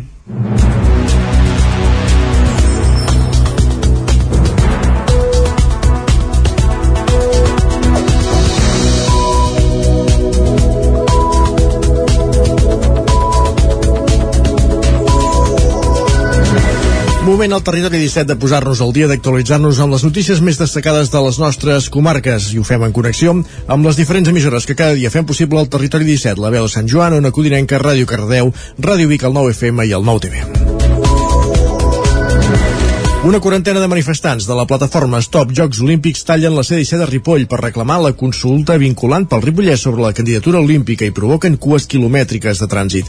Isaac Muntades, des de la veu de Sant Joan. La plataforma Stop Jocs Olímpics va donar el primer cop de puny a sobre la taula aquest diumenge a la tarda tallant la C-17 a l'altura de Can Villaura, a Ripoll, pel fet que tant la comarca ripollesa com el Berguedà hagin quedat excloses de la consulta ciutadana vinculant que es farà a la primavera a les comarques de l'Alt Pirineu i l'Aran per decidir si la candidatura als Jocs Olímpics d'hivern Barcelona Pirineus 2030 tira endavant. En total, una quarantena de persones es van plantar al mig de la carretera en els dos sentits de la marxa a un quart de set de la tarda, aprofitant l'hora punta en què la majoria de cotxes de les valls de Ribes i Camprodon tornaven cap a Barcelona i a la seva àrea metropolitana després de passar el cap de setmana a la muntanya, una bona part d'ells de les estacions d'esquí. A aquella hora també es va tallar la C-16 a Berga amb el mateix objectiu que el Ripollès. Els manifestants de Can Villaura que encapçalaven la manifestació portaven una pancarta on s'hi podia llegir No som de segona, el Ripollès volem decidir, que es va camuflar darrere el fum verd d'un pot. Els convocats cridaven volem projecte, volem decidir. La concentració de persones va mantenir immòbil durant 20 minuts en el trencant de les llosses de la C26 i va començar a caminar en direcció a Ripoll. Els conductors no estaven gaire conformes amb la manifestació i van fer alguns retrets als manifestants a més de fer sonar les botzines. Quan van arribar a la primera rotonda va haver-hi algun moment de tensió amb un conductor que va sortir del cotxe i va increpar-los dient que només volia anar a Barcelona i que els Jocs Olímpics no li importaven. Un altre vehicle va fer cas omís de les instruccions dels Mossos d'Esquadra i va esquivar la manifestació pel lateral de la carretera. Els manifestants van continuar caminant cap a Ripoll, però a l'entrada del municipi van rebre l'hostilitat d'alguns conductors que havien perdut la paciència. Un d'ells va escopir-los i un altre va amenaçar de pagar-los. Els Mossos van haver de separar manifestants i conductors i van donar l'ordre als manifestants de seguir pel voral de la carretera. El caos circulatori va ser tal que a dos quarts de vuit del vespre el Servei Català de Trànsit informava de retencions de 5 quilòmetres a la C-17 i de 9 quilòmetres a la Nacional 260 baixant de Can de Bànol, però és que fins i tot hi havia vehicles aturats pel centre de Can de Bànol que venien de Gombrèn. De fet, a la rotonda d'entrada a Camprodon hi havia un control de la policia municipal que parava a tothom i demanava on anava els vehicles per avisar-los que es desviessin cap a Olot per no trobar-se amb la cua. Allà hi havia cues de Camprodon a Llanàs i també cap a la carretera de Molló.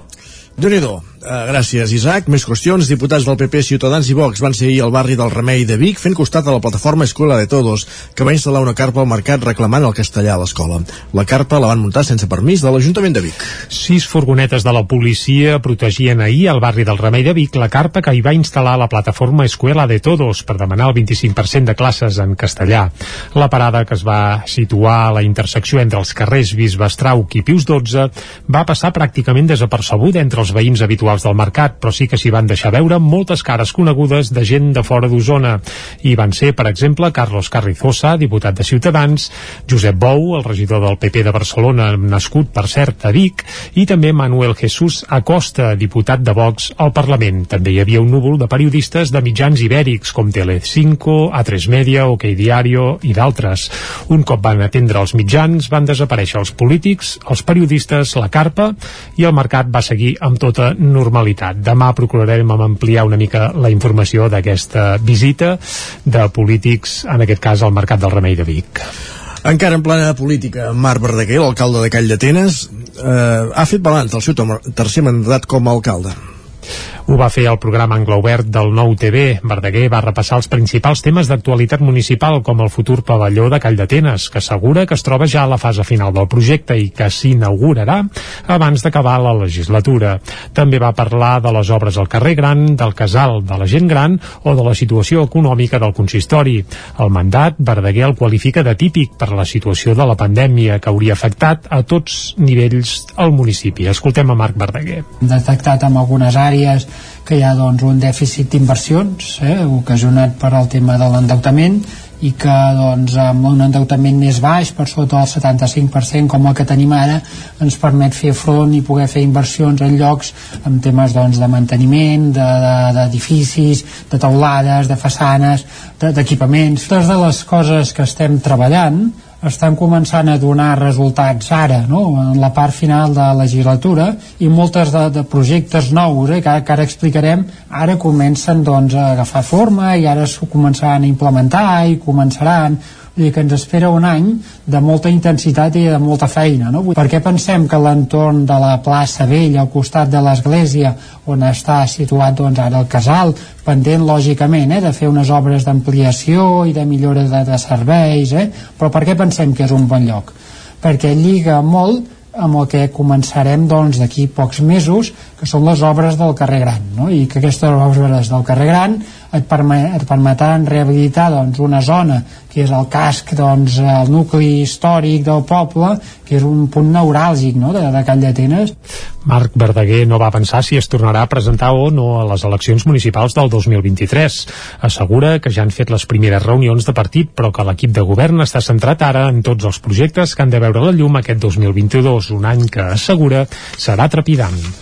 Més qüestions. Incend... Dues dotacions terrestres dels bombers van treballar dissabte en un incendi que es va originar al pati d'una empresa de Sant Miquel de Balanyà, al polígon de la Ballanet. L'incendi va ser en una nau situada a tocada a la carretera BB baixa 5303, a la zona del polígon industrial que hi ha a Sant Miquel de Balanyà, en terme municipal de Ceba. Segons els bombers, que van rebre l'avís quan faltaven 20 minuts per la una del migdia, s'haurien cremat plàstics i no hi va haver afectacions ni personals ni de grans danys. A mitja tarda el foc es va donar per extingir. El Premi d'Honor de les Lletres Catalanes de l'any 2021, Maria Barbal, ha estat un dels caps de cartell de la primera edició de les Jornades Fabra que s'han viscut aquest cap de setmana a Sant Feliu de Codines. Caral Campàs, des d'Ona Codinenca. L'escriptora nascuda a Trem i coneguda per novel·les com Pedra de Tartera ha fet aquest dissabte un repàs de la seva trajectòria literària i de les seves vivències sobre el fet d'escriure davant un auditori atent. Més d'un centenar de persones van seguir la xerrada de l'autora. Barbal va destacar aspectes que s'han de tenir en compte a l'hora d'escriure, com la construcció dels personatges, el punt de vista des d'on s'escriu la història i va confessar que una de les dificultats que va trobar-se quan va començar van ser els diàlegs, ja que els personatges es situaven al Pallars. Sentim Maria Barbal. On es produeix. Jo no vaig ser capaç de eh, crear el diàleg en aquesta primera novel·la eh, perquè trobava aquesta dificultat. Tot i que introdueixo eh, mots dialectals del Pallarès a la novel·la, eh, en el diàleg hauria hagut de ser tot dialectal apunta, apunta. El que haguessin dit els personatges ja que estaven vivint allí. Aquest repte l'escriptura el va poder assolir 34 anys després, els silencis heredats del temps de la guerra i les lectures que de la seva infància i adolescència han marcat la seva producció literària. La inspiració parteix sempre de la realitat i reconeix que la seva trajectòria comença amb el món que ella coneixia. La xerrada de l'autora va tancar dissabte la primera de les dues jornades Fabra, en aquest cas dedicada a la llengua, que també va comptar amb les conferències del catedràtic en filologia Joaquim Vilaplana i de l'articulista Otbou. Més qüestions, dissabte es va celebrar un nou vermut literari a Cardedeu, a l'Espai Cultural i Gastronòmic Tarambana, aquest, cap de, aquest cop amb la sabadellenca Montse Barderi, presentant el seu nou llibre publicat al setembre de l'any passat, La vida autèntica. Núria Lázaro, des de Ràdio Televisió Cardedeu. La vida autèntica és una novel·la que té com a protagonistes l'Oliver, un escriptor de novel·la negra, la Roxana, l'editora, i el Pere, un antic company de l'Oliver. Barderi el descriu com un Zirano de Bergerac deconstruït. Montse Barderi. Bé, l'hauria de llegir si li agraden les històries una mica crepusculars d'amors a una certa edat i grans temes de l'existència. És un llibre bastant filosòfic i té bastanta reflexió, té força reflexió i la història és una mica aquell punt de la vida en què el que ens tenim a darrere de temps és més llarg que el que ens queda per davant. Aquesta és la onzena publicació de l'autora, que té altres publicacions com El amor no duele o La memòria de l'aigua, novel·la amb la qual va guanyar el Premi Prudenci Bertrana l'any 2019. El proper vermut literari serà el 12 de febrer amb l'Ena al descobert de Carolina Montoro. No marxis gaire lluny, Núria, perquè també hem d'explicar que l'Espai Carles Agmor de Cardedeu ha estrenat una nova exposició, aquesta vegada de la, la del jove cardedeuenc, Pol del Moral.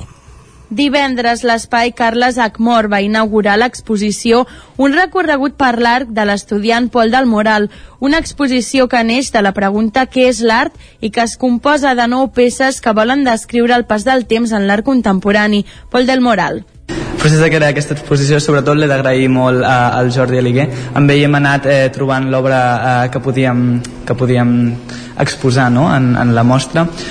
L'objectiu era mo mostrar obres que són contemporànies i que neixen des de la concepció més clàssica de l'art, una pintura figurativa, per exemple, com podríem trobar en aquesta obra, fins a obres que han culminat més aquest procés de desvinculació eh, de representació de la realitat fins a obres que eh, estipulen diguem, una nova forma de relació amb la realitat, una relació on es posa la idea per sobre l'objecte. El paper d'en Pol per la creació d'aquesta exposició ha estat fer un treball de recerca amb l'ajuda d'en Jordi Aliguer. Com a característica principal, cap de les nou composicions és d'en Pol, totes són d'altres artistes i d'altres èpoques, i totes amb un concepte diferent, però que en Pol fa que tinguin alguna cosa en comú. Una exposició on podem veure com la societat ha influenciat en l'art durant tota la vida. Passen 11 minuts de les 10. Gràcies, Núria. Acabem aquí aquest repàs informatiu que hem fet en companyia, com sentíem, de Núria Lázaro, Caral Campàs, Jordi Sunyer i Isaac Muntades. Tot seguit, al Territori 17 serà moment de conèixer la previsió meteorològica. Per això, de seguida, anem a saludar en Pep Acosta.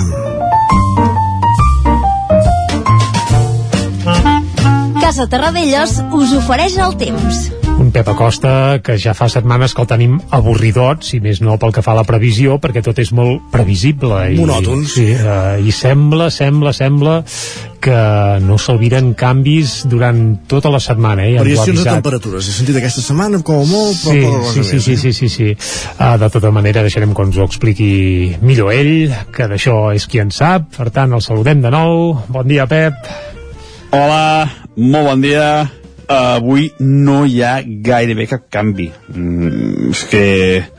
Uh, bé, uh, hi ha una petita línia frontal, uh, però bueno, mm, no ho notarem, ni ho notarem nosaltres, perquè uh, poder hi ha algun núvol prim, uh, però molt poca cosa més, i l'únic que farà aquesta línia frontal avui és que ens envia vents de nord, uh, vents de tramuntana, i que farà que al migdia les temperatures no pugin tant com ahir. Avui les màximes, eh, la majoria quedaran entre els 13 i els 16 graus, tot estirar, eh? eh? No com ahir, que ja et dic que van arribar als 18-19 graus, vam tenir unes temperatures màximes eh, molt, molt suaus. Avui baixarà una mica, només per això, perquè passa aquesta petita línia frontal, molt petita, que ja notarem, però l'únic que fa és això, que, que, que ens, ens envia vents de nord que són una mica més freds i es notarà amb una baixada de les temperatures màximes. Eh, dit això, eh, cap més novetat, eh, molt de sol, eh, temperatures més baixes a les fondalades que no pas a l'alta muntanya, i contrast tèrmic entre el dia i la nit, eh, mínimes una mica baixes, eh, màximes suaus, eh, i poca cosa més. És el que és la, la, llei de temps, la llei de temps que tenim durant aquest any, de moment, i no canviarà, eh? estic mirant mapes i mm, n'hi ha per dies, n'hi ha per dies uh, avui amb aquesta petita incursió uh, de tramuntana, amb aquest petit uh, front, uh, l'anticicló s'ha retirat una mica, uh, però és que tots els mapes indiquen que a partir de demà, demà passat, tornarà uh, ferm, fort i molt persistent. Mm, per tant, eh, molt males notícies i cap, cap novetat en la informació meteorològica. I això és tot. A disfrutar el dia d'avui, a disfrutar aquest últim dia del mes de gener. Vinga, gràcies, fins molt aviat. Adéu. Demà, Pep, fins al febrer ja. Sí, exacte. Ens, ens retrobem el mes que ve, però clar, això vol dir demà, eh? Exacte. Uh, vinga, i ara quan falta un minutet per un quart d'onze del matí, Vinga, una pauseta i cap a l'entrevista. Mira. Casa Tarradellas us ha ofert aquest espai. Territori 17. Envia'ns les teves notes de veu per WhatsApp al 646 079 023. 646 079 023. WhatsApp Territori 17.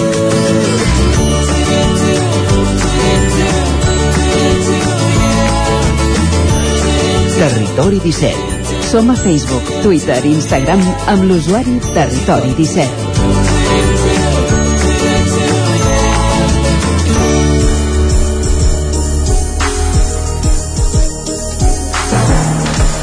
El passat cap de setmana del 22 i 23 de gener, l'Espai Natural del Torrent de la Cabana de Can va rebre una llau de visitants atrets per la bellesa dels grups congelats, dels gorgs congelats a l'hivern. Unes 1.400 persones van anar-hi en només dos dies i l'Ajuntament va decidir actuar ràpidament per evitar que aquestes imatges es repetissin fent pagar de nou l'ecotaxa 5, de 5 euros a tots els turistes i restringint l'aforament a només 300 persones durant tots els caps de setmana, des d'ara fins a Setmana Santa. Saludem primer de tot l'Isaac Muntades des de la veu de Sant Joan. Bon dia, Isaac. Bon dia, Isaac. Doncs sí, avui tenim al telèfon a l'alcaldessa de Can Davano, Dolors Costa, que ens explicarà com ha anat aquest primer cap de setmana amb les noves mesures de protecció vigents i què preveuen fer de cara als pròxims dies i sobretot eh, de cara a l'estiu. Bon dia, Dolors, i moltes gràcies per atendre'ns. Hola, molt bon dia a tots.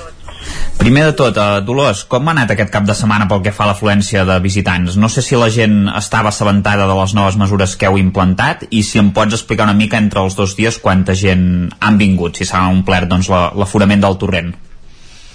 Sí, doncs bé, aquest cap de setmana, eh, comparat eh, amb el cap de setmana anterior, que evidentment va ser una cosa sobrevinguda que no ens esperàvem, eh, que hi hagués aquesta afluència tan massiva de gent, eh, amb el reclam dels sords de les edats, eh, que era una cosa que feia molts anys que no passava, i ens va agafar per sorpresa aquest cap de, aquest cap de setmana, doncs eh, ja vam, ho vam ordenar, fent un control d'accés, fent pagar una ecotaxa, eh, fent un control d'aforament també i la veritat és que estem contents per com ha anat. Hi ha hagut molta feina, hi ha hagut moltíssims visitants que ens han vingut a veure perquè a més a més fa uns dies esplèndids que es presten doncs, a anar a la muntanya a caminar Uh, però bé, la majoria de gent ja, ja venia assabentada, ja venia informada de que aquest cap de setmana es prendrien noves mesures i hi haurien restriccions i la veritat és que estem bastant satisfets. Uh -huh. en, en quant al nombre de gent puc dir que uh, el dissabte crec que hi van pujar unes 600 persones i el diumenge unes 700. Tenint en compte que l'aforament era de 300 persones,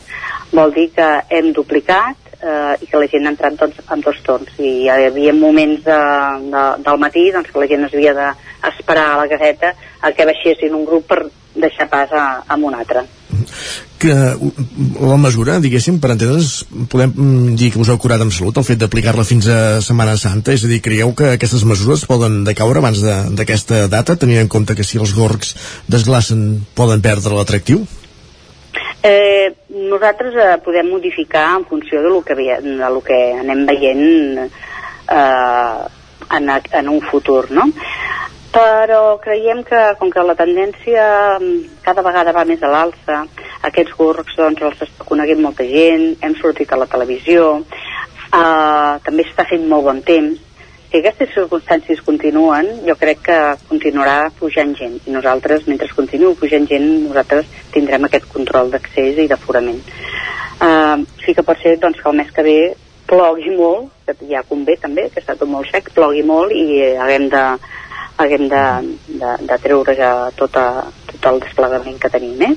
Però, però bé, en principi, si la cosa continua tal com està, nosaltres tenim previst continuar fent aquest aforament ja fins a Setmana Santa. De fet, Dolors, es, es, com ho deies, s'ha hagut de controlar l'accés, s'ha hagut de contractar personal, que això ja ho vas eh, explicar-ho, per vigilar doncs, tot una mica cuita corrents. No sé quantes persones eh, heu hagut de contractar i quina és la tasca que, que desenvolupen. Mira, tenim una persona contractada que és la que fa o la que dona la informació turística al centre d'interpretació que es troba a la Font del Carol, al pàrquing que tenim que és gratuït. Aquesta persona, doncs, a part de- de- d'ordenar els cotxes que van a aparcar allà, doncs, dona la informació a tots els turistes que arriben i que, que li demanen eh, per anar als gots. Llavors, per altra banda, tenim la gent de protecció civil, que és un cos de, de voluntaris que també ens està donant un cop de mà, ens ha donat un cop de mà a lo que és l'entrada eh, per la carretera al, al camí d'Estiula, eh, perquè allà també teníem la problemàtica de que s'hi anaven ficant cotxes i llavors els no autoritzats no podien passar i llavors doncs creàvem allà unes cues importants eh, perquè tenien que girar i tornar a sortir, en baixaven i bueno, eh, la situació era força caòtica. Eh? D'aquesta manera tinguent un, una, una persona de protecció civil a l'entrada de la carretera demanant a la gent si anava si eren autoritzats o no, llavors ja també aquest problema també l'hem eliminat. I llavors a, a la caseta també hem tingut dues persones més eh, que són els que venien les ecotaxes i també donaven informació, donaven el mapa de tota la ruta que havien de seguir els turistes i llavors també teníem el municipal que, que està treballant.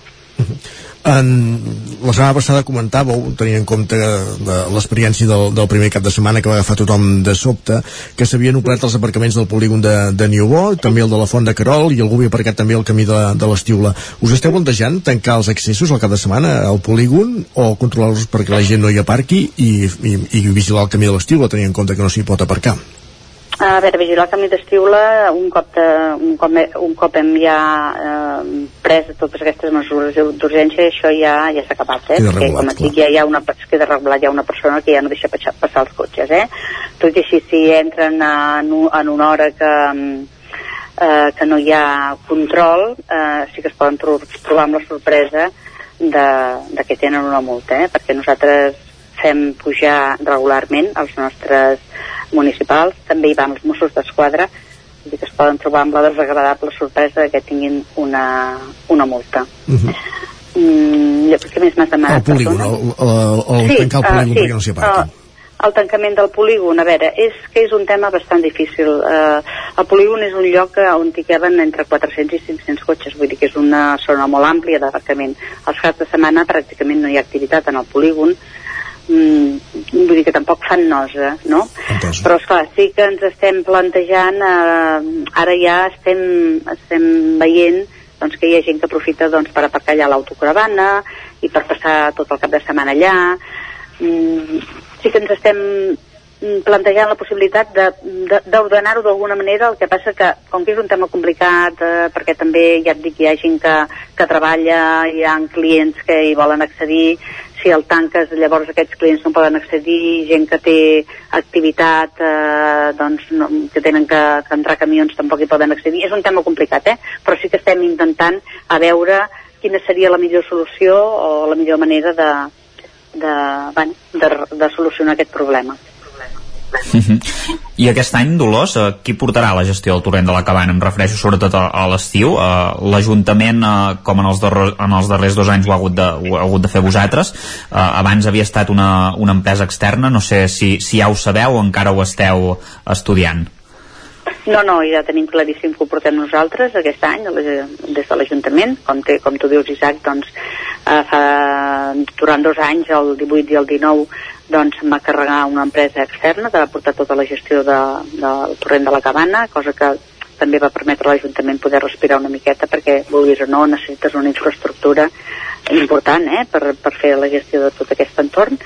Uh, però bueno, coincidint amb l'any que va començar la pandèmia uh, evidentment doncs, no hi va haver cap, cap empresa interessada no? perquè es van tenir de ficar una sèrie de restriccions com va ser el control d'aforament eh? a 200 persones crec que el vam ficar el primer any i evidentment no sortien els números uh, l'any passat també continuant amb la pandèmia ho vam fer nosaltres aquest any 2021 i ara aquest 2022 de moment ho comencem, ho comencem també bueno, de moment no, vull dir, ho fem nosaltres ja ho tenim decidit eh? el que es farà més endavant no ho sabem eh? vull dir, hi ha diverses alternatives sobre la taula i veient la que més ens interessi doncs també hem de parlar amb els propietaris dels gorgs hem de, hem de tenir clar també que aquests gorgs eh, no són públics eh, són de propietaris, de diferents propietaris i també arribar a un acord eh, també és, és difícil, eh, perquè hem de tenir un conveni eh, entre els dos ajuntaments, que és el de les Lloses Can Davano i els propietaris de, dels diferents terrenys que hi ha aquí que donen accés als horts. Uh -huh. Quines mesures hi haurà vigents a, a l'estiu? S'hi podrà banyar la gent o encara queda lluny, tot plegat? Bueno, encara queda una mica lluny, no? però en principi banyar, la gent s'hi pot banyar, el que no es pot fer i està totalment prohibit i es posen sancions de 1.500 euros és tirar-se des dels forns, eh? perquè, des dels forns, perquè això constitueix un perill per la, per la, per la comunitat, no? A veure, hi ha, hi ha gent que de manera, bueno, molt inconscient es tira i han tingut eh, alguna altra desgràcia que lamentar eh, en aquests últims anys. Per tant, això sí que queda totalment prohibit, tirar-se als gorgs, però banyar-se sí, sí que es poden refrescar. Almenys la gent, després de, de fer tota aquesta ruta, que si fas un parell d'horetes i que surts una miqueta, doncs sempre és agradable poder donar-te una mica de bany així amb aigua fresqueta. Una altra cosa, Dolors, per tal de facilitar també una mica als turistes eh, que vinguin doncs, a, a l'espai del torrent de la Cabana, no sé si per exemple us heu plantejat fer algun tipus d'aplicació que indiqui quants aparcaments queden disponibles a la Font del Carol, sobretot ho dic en el sentit d'evitar que hi hagi gent que vingui en cotxe sabent que ja no, no trobarà aparcament i el pugui deixar a Can Bànol i venir per la ruta al Camí Ral, que també és, és una ruta bastant, bastant maca i, i no s'ha de caminar gaire per arribar fins, fins al torrent. No sé si us heu plantejat alguna cosa d'aquest estil. No, el que ens hem plantejat és sobretot donar molta informació, la màxima informació. Informació per, xarxa, per xarxes socials, informació a través de la web de l'Ajuntament. Jo penso que la gent que vol pujar o que vol anar en, en algun lloc, doncs el primer que ha de fer és informar-se, no? I és tan fàcil com entrar a la web de l'Ajuntament de Gandavano, és tan fàcil com entrar a les xarxes socials, on veus doncs, eh, el que hi ha allà, on pots aparcar, mm, el pàrquing que tenim ara actualment a la Font del Carol és de 55 places, al, al polígon de Bosch hi ha moltes places, i, i així també evitem un col·lapse d'aparcament a l'entrada del poble perquè eh, bueno, l'entrada o, o, o, o l'aparcament que d'on se surt per, per accedir al camí ral perquè també és, és un aparcament bastant limitat i tampoc, eh, i tampoc hi ha moltes places. Eh, Llavors el que sí que demanem a la gent doncs, és que abans de venir a visitar-nos, que sobretot, sobretot, o que truquin a l'Ajuntament, o que entrin a la pàgina web, o que entrin a les, a les xarxes socials i, i s'informin. Queda clar. Dolors Costa, alcaldessa de Can de Bànol, gràcies per ser avui al Territori 17 i parlar d'aquesta problemàtica que us trobeu molts caps de setmana, per sort, diguéssim, no? perquè que vingui gent al poble sí. sempre, sempre és positiu. I tant que sí, s'ha de treure sempre la, la part positiva, i tant que sí. Exacte. Molt bon dia, per, eh, gràcies per ser amb nosaltres. Mm, bon dia i moltes gràcies a vosaltres. Continua el territori 17. Tot seguit fem una pausa, re, 3 minuts i tornem de seguida amb la resta de seccions del, del dia, començant per les piolades i la taula de redacció. Fins ara mateix. El nou FM, la ràdio de casa, al 92.8. A la rostisseria El Plat ens agrada la cuina de sempre, la de les àvies i de les mares. La cuina feta amb paciència com s'ha fet tota la vida. Vine a provar els nostres canelons gruixuts o els croquetons, les nostres croquetes de 80 grams. I recupera el gust del pollastre les com els que es menjaven abans. Ah, i aprofita fins a finals de febrer 20% de descompte en els canelons i el pollastre. Rostisseria El Plat, encàrrecs fins a les 12 del migdia i servei a domicili. Ens trobaràs de dijous a diumenge al carrer Església número 6 de Taradell o al 93 130 35 58 85. Les males herbes no et deixen veure-hi clar? Amb Sebastià Vivet això s'acabarà. Desbrossaments forestals de finques i terrenys, treballs d'hort i boscos amb tractor, tallem gespa a l'engròs, som professionals i tenim tota la maquinària necessària. Truca'ns al 636 24 22 85. Sebastià Vivet, preparats pel que calgui. Coberta serveis funeraris. Els nostres tanatoris estan ubicats en els nuclis urbans més poblats de la comarca d'Osona per oferir un millor servei. Tanatori de Vic, Tanatori de Manlleu, Tanatori de Centelles i Tanatori de Roda de Ter. Sabem que són moments difícils i per això el nostre compromís és atendre-us en tot moment amb un tracte humà, sensible i respectuós. Coberta serveis funeraris. Telèfon 24 hores 93 883 23 46. Thank you.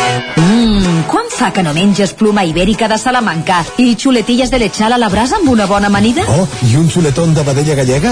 O lechazo de Castilla al forn? Ah, i botillo del Bierzo amb cachelos i col? Ei, i cochinillo a l'estil de Segovia, i tot acompanyat d'un bon celler. Oh, i uns bons serranitos de pollastre, de llom, d'hamburguesa, del que tu vulguis. Per menjar la millor cuina de Lleó sense moure't de casa, vine a El Racó de León. Fem cuina tradicional lleonesa i de mercat. Vine amb la família, amb els amics, amb la parella o sol. T'encantarà. El racó de León. Som al carrer Torelló 35 de Vic. Reserves 93 889 1950. Tanquem els dimarts. El racó de León. Vine a tastar una cuina diferent. El nou FM, la ràdio de casa, al 92.8. Cocodril Club. Si t'agrada la bona música dels anys 60, 70 i 80, escolta el 9 FM els matins de dissabtes i diumenges d'11 a 1. És el temps del Cocodril Club, tot un clàssic de la ràdio, amb les bases del pop-rock, les llegendes, les cançons que s'han convertit en autèntics himnes. Recorda, dissabtes i diumenges al matí, d'11 a 1, al 9 FM 92.8. Cocodril Club, el programa revival de l'Albert Malla. Hasta luego, cocodrilo. El nou FM, el nou FM, el nou FM. Dos quarts d'onze en punt al territori 17.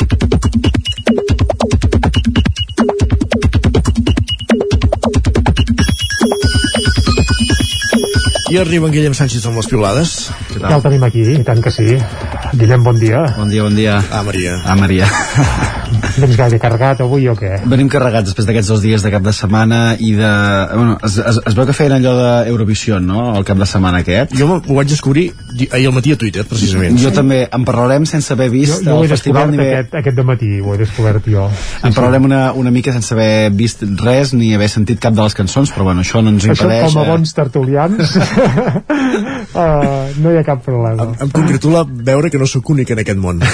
No, no, i jo tampoc. No, clar, és que Eh, no, no, tres, no, som- la veritat és que no en tinc ni idea, però bueno, sí que estic mínimament situat, eh? La Bandini, aquesta, la Rigoberta, el, De fet, avui al les, matí les encara- gallegues, i atenció perquè els hi ha sortit el tret a la culata, perquè Sí. la que ha guanyat resulta que també és catalana. Vull dir que, que bé, tant és. Digues, digues, ja després hi fotrem No, cullerada. de fet, eh, començarem per una piulada que volia posar però que no he acabat seleccionant, que deia una persona que no havia vist aquest cap de setmana ni el, ni el Benidorm Fest ni el partit d'en Rafa Nadal de, de tennis. Per tant, no sé què va fer durant aquest cap de setmana aquesta persona, però... Home, es poden fer moltes coses. Per exemple, jo tampoc, de la cabana de jo tampoc vaig veure, vaig veure el partit tampoc, eh? ja m'ha explicat que ha guanyat perquè les portades sobretot ibèriques en van plenes però es podia passar el cap de setmana sense Sí, no era, tenis no era l'única persona eh, que... per- Perdoneu, te- tenim un especialista en el tema, Isaac Montades, bon dia. Bon, bon dia, tan aviat us explico el torrent de la cabana com Eurovisió, no? segur que l'Isaac Muntades va veure Eurovisió i en Nadal, n'estic convençut En Nadal també o no? Don, doncs mira, Nadal no, només no? vaig veure l'últim joc Home, doncs perquè ja està, estava, doncs ja estava fent una excursió exacte, vaig veure lo Ah. interessant vaig, estava a la muntanya i no, no hi havia gaire cobertura i, i tal i no vaig poder.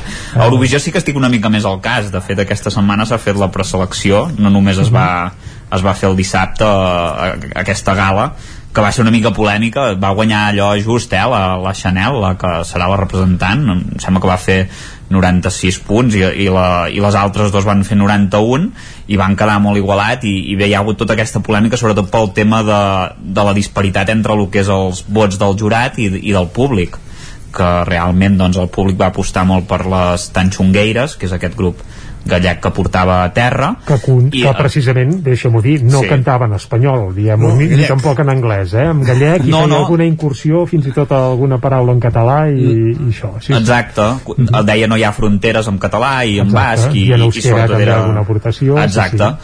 I, i bé, i, i després hi havia la Ricoberta Bandini que era una de les altres favorites de, del públic per aquesta cançó eh, Ai Mamà que reivindicava una mica el, el feminisme i això i, i ha acabat guanyant la, la Chanel que és una proposta doncs més blanca, eh, sobre... més blanca bueno, era una proposta sobretot Mm, sense, sí, de, sense de, català, més de ball. sense gallec, sense euskera, sense Sí, terres. les- Qüestions polítiques. Sí, sí, exacte. La, la cançó diguéssim que no tenia molt, molt missatge si l'escolteu és una barreja d'anglès i espanyol una mica, no, no diré masclista al 100% però bé, que té alguna cosa no? però, però bé, el que era el ball i la coreografia clar, era molt superior als altres dues i segurament vocalment mm, et diria que també, el que passa és que les altres eren les favorites del públic de fet jo per mi també també m'agraden més les tan xungueires que no pas aquesta però bé, si és la que s'ha triat eh, encara que hi hagi hagut polèmica amb el jurat professional que sembla ser que hi havia una membre del jurat que, que havia treballat amb ella eh, doncs, Carai. coses que passen, no? Sí, tant, sobretot amb tele espanyola i tant. Sí. Bé, Uh, L'Isaac ja ens ha posat llum ja està, Guillem ja- ja ens hi aporta situats. els Doncs va. comentaris de la xarxa. Correcte, comencem per Gràcies, aquí. Gràcies, Isaac. Parlem Gràcies. d'aquí 5 minuts. Doncs va, la Marta ens diu avui haig de dedicar uns minuts en saber qui és Rigoberta i Chanel, vaig perdudíssima uh, cosa que també m'ha passat a mi Però ara ja està, ja estem ara ja està, ara ja eh? estem uh, col·locats jo em sumo també al missatge publicat per la Sònia que ens diu tot el que sé d'ahir d'Eurovision ho he llegit per aquí i el que se'n desprèn o confirma és que el país, veí, el país veí té problemes amb tot el que tingui regust de votació i transparència i el nostre company també en Jordi Vilarrodà també hi fa una aportació Què ens és? diu Aviam, què diu en Vilarrodà, president d'Òmnium al Ripollès, també. ens diu l'única vegada que això d'Eurovisió va ser democràtic, ho posa entre cometes, van perdre el control i va sortir Chigali 4. A partir d'aquest moment, Televisió Espanyola va decidir que tot el muntatge previ no havia d'alterar el resultat que ja tenen pensat. I el primer comentari que li fan també aquest missatge ho resumeix així. Diu, el fons de la qüestió és que un jurat decideix per damunt de la voluntat popular, tot un clàssic, i que els pits segueixen fent por. Per tant, com ens diu en Pau, com és que algú s'havia fet expectatives respecte a aquest Benidorm Fest? Vull dir, en quin moment la fase prèvia d'Eurovisió havia de ser una referència per avaluar el caràcter democràtic o no del panorama musical a l'estat espanyol? Bé, de fet, com piulades d'aquestes en podríem llegir 50.000 més. Doncs no, ja en tenim prou, va. Seguim, va, un- altres temes. Sí, un parell de temes molt ràpids, com comentàveu, ara mateix el Ripollès ha estat protagonista aquest cap de setmana pel tema que ara mateix eh, comentàveu amb l'entrevista amb l'alcaldessa de Can Davant, amb la Dolors Costa, de fet un debat que l'IU ens comenta, diu, sento al TN una persona queixant-se perquè fan pagar 5 euros per anar a veure el salt d'aigua de Can Davant, diu, ens cobren per anar a la natura. Bé, com a les ciutats fan pagar per poder deixar el cotxe en algun lloc, per tant... I no pas 5 euros, eh? I no pas Això ja 5 ho euros. deixem ben clar, també, sí, sí. o també per, per altres qüestions també ha sigut protagonista el Ripollès pel tema del turisme dels Jocs Olímpics aquesta candidatura que sembla que cada cop té més entrebancs entre, entre la gent i entre i entre el poble ens escriu en Didac diu que els turistes que venen al Pirineu s'enfadin amb la gent del territori per fer dues hores més de cua quan ells col·lapsen la carretera cada cap de setmana és un exemple més de com el turisme converteix el Pirineu en una joguina per la gent de fora. Bé, de fet no sabem com, com acabarà tot aquest liu entre, no. també, entre presidents ja que sembla que se'ls hi ha escapat una mica de, de les mans. Encara a Twitter podem trobar els vídeos d'en Pol Barassa que feia ahir cobrint la manifestació i era espectacular la reacció d'alguns conductors, eh? realment feia vergonya. Va, i per acabar la constatació d'una realitat, la que ens fa evident l'Èlia, que ens diu diumenges de, de primavera a ple gener que em semblen estupendos. A mi també em semblen estupendos i m'hi sumo perquè poder anar amb màniga curta l'últim cap de setmana del mes de gener a les 5 de la tarda és espectacular. És Bé, això també va poder passar per Nadal, que Per també exemple. feia un temps espectacular. Ai, canvi climàtic, el tenim Canvi aquí. climàtic. I ara el que haurem de canviar és de tema. Guillem, gràcies, eh? Que vagi molt bé. I Anem a repassar portades exacte, digitals. canviem Gràcies, de Guillem. tema, deixem piulades, anem a repassar portades del 99.cat. Comencem per l'edició d'Osona i el Ripollès, que titula Els veïns de Mafrigès ja tenen els diners per anar al contenciós administratiu i d'aquesta manera intentar aturar l'ampliació que es farà o que es vol fer d'aquest escorxador.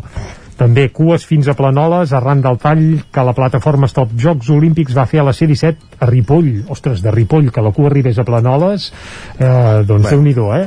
Passa, clar, has de pensar on són els termes, eh? D'arribes en amunt ja gairebé... Sí, sí, però Sí, clar, sí, Ripoll, Camp de Bànol... Bueno, però Ribes, sí, talles sí. allà una hora i evidentment que s'acumulen Sí, sí, els sí, cotxes sí. fins a Ribes i més amunt. Doncs, doncs, Doncs bé, divertit, divertit. També informes tècnics fets arran d'unes queixes veïnals posen en perill l'activitat del Teatre Centre centre de Sant Quirze de Besora.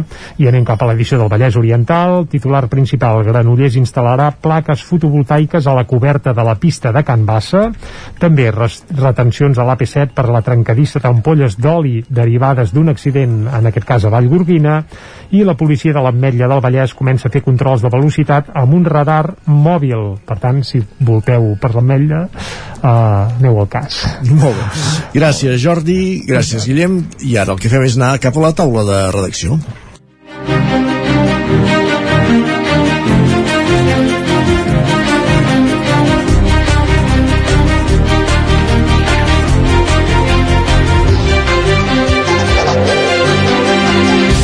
A la taula de redacció avui amb Guillem Freixa i amb Isaac Muntades. Guillem, bon dia.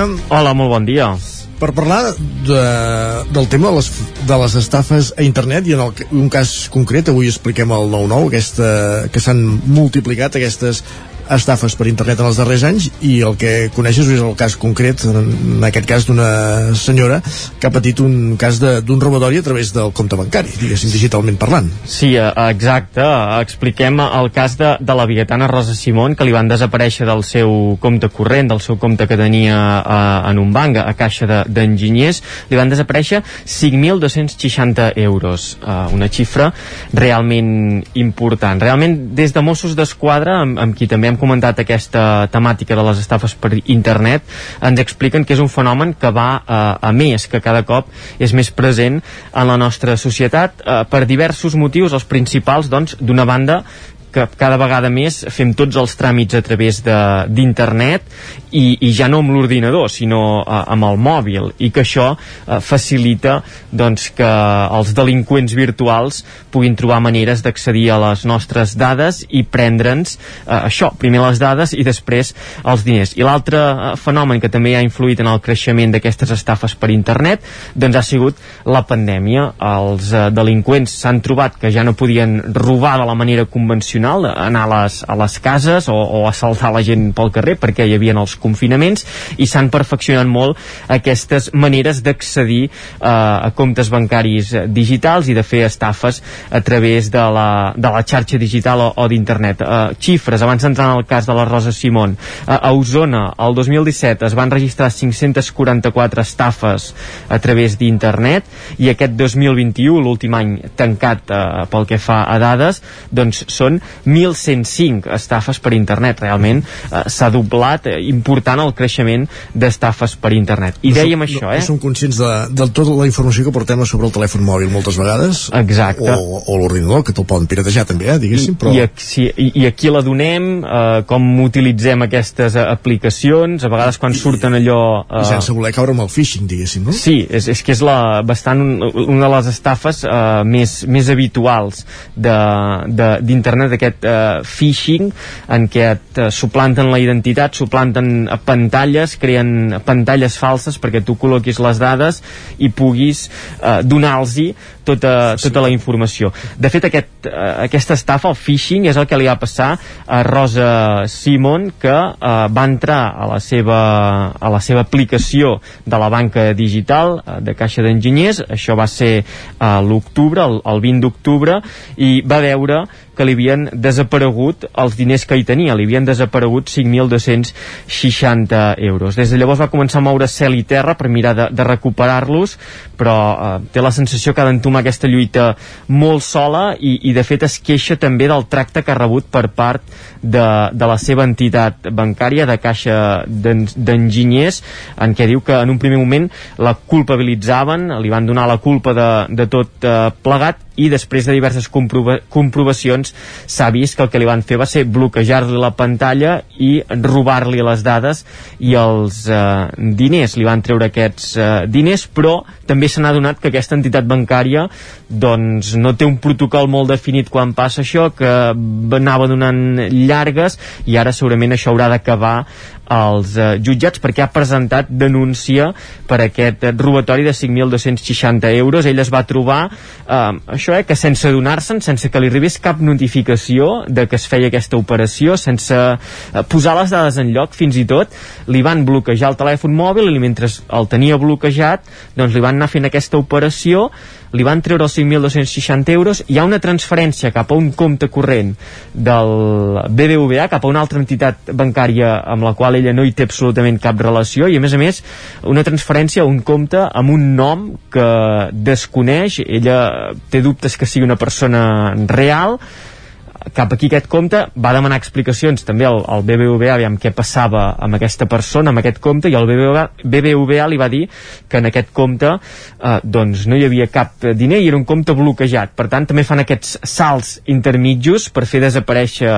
els diners d'una manera ràpida els estafadors, els ciberestafadors uh -huh. eh, quan agafen aquests, aquests diners eh, més enllà d'aquesta indignació d'explicar de, de, tot això que li ha passat del tracte que ha rebut, de segurament el poc preparades que estan algunes entitats per fer front a aquestes estafes cada cop més presents en la nostra societat, també remarca aquest fet que, que estem desprotegits, que cada vegada som més vulnerables davant les entitats bancàries o també de companyies telefòniques o de subministraments, alhora això, eh, de, de gestionar les nostres dades i de fer aquests tràmits um, per, per internet. Hi ha estafes, però també un altre dels temes dels quals se'n parla molt és l'atenció a les persones grans o a les persones que no tenen la capacitat de fer coses a través via di de digital i és que com podríem dir que ens, ens obliguen no? a, a treballar a través de, de les xarxes el que per uns és molt còmode per als altres és tota una barrera mm, i que també et, et posa a, a davant a, a rebre aquestes, aquestes estafes correcte mm -hmm.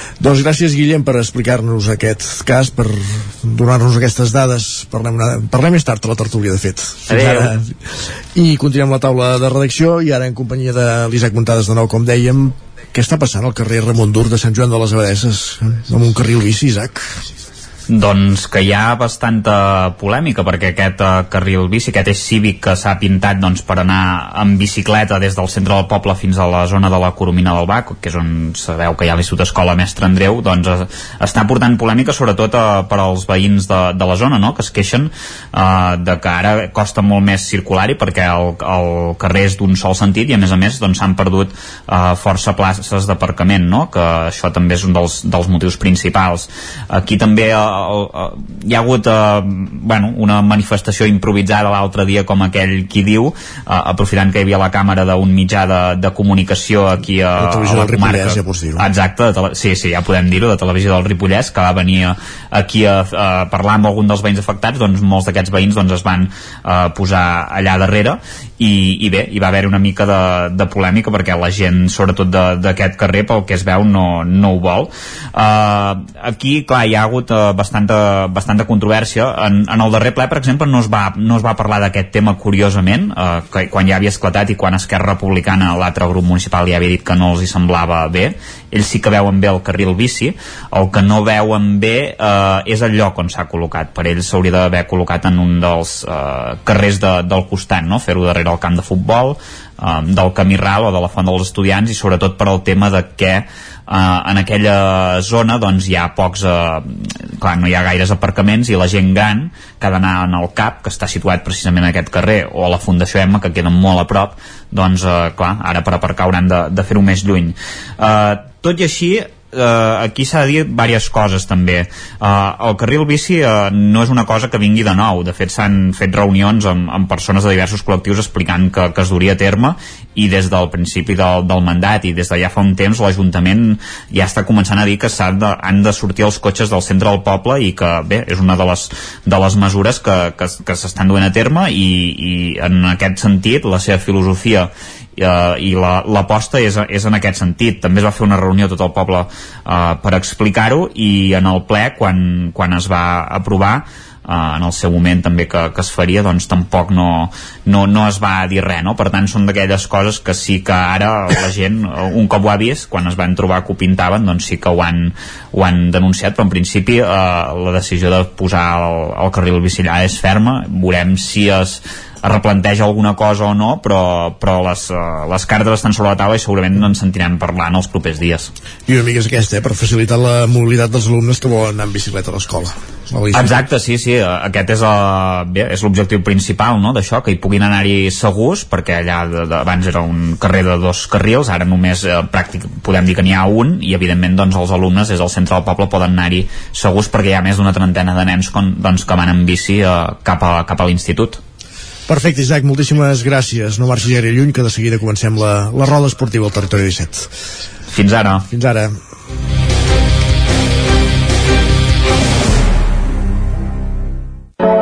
Territori 17, el 9 FM, la veu de Sant Joan, Ona Codinenca, Ràdio Cardedeu, Territori 17.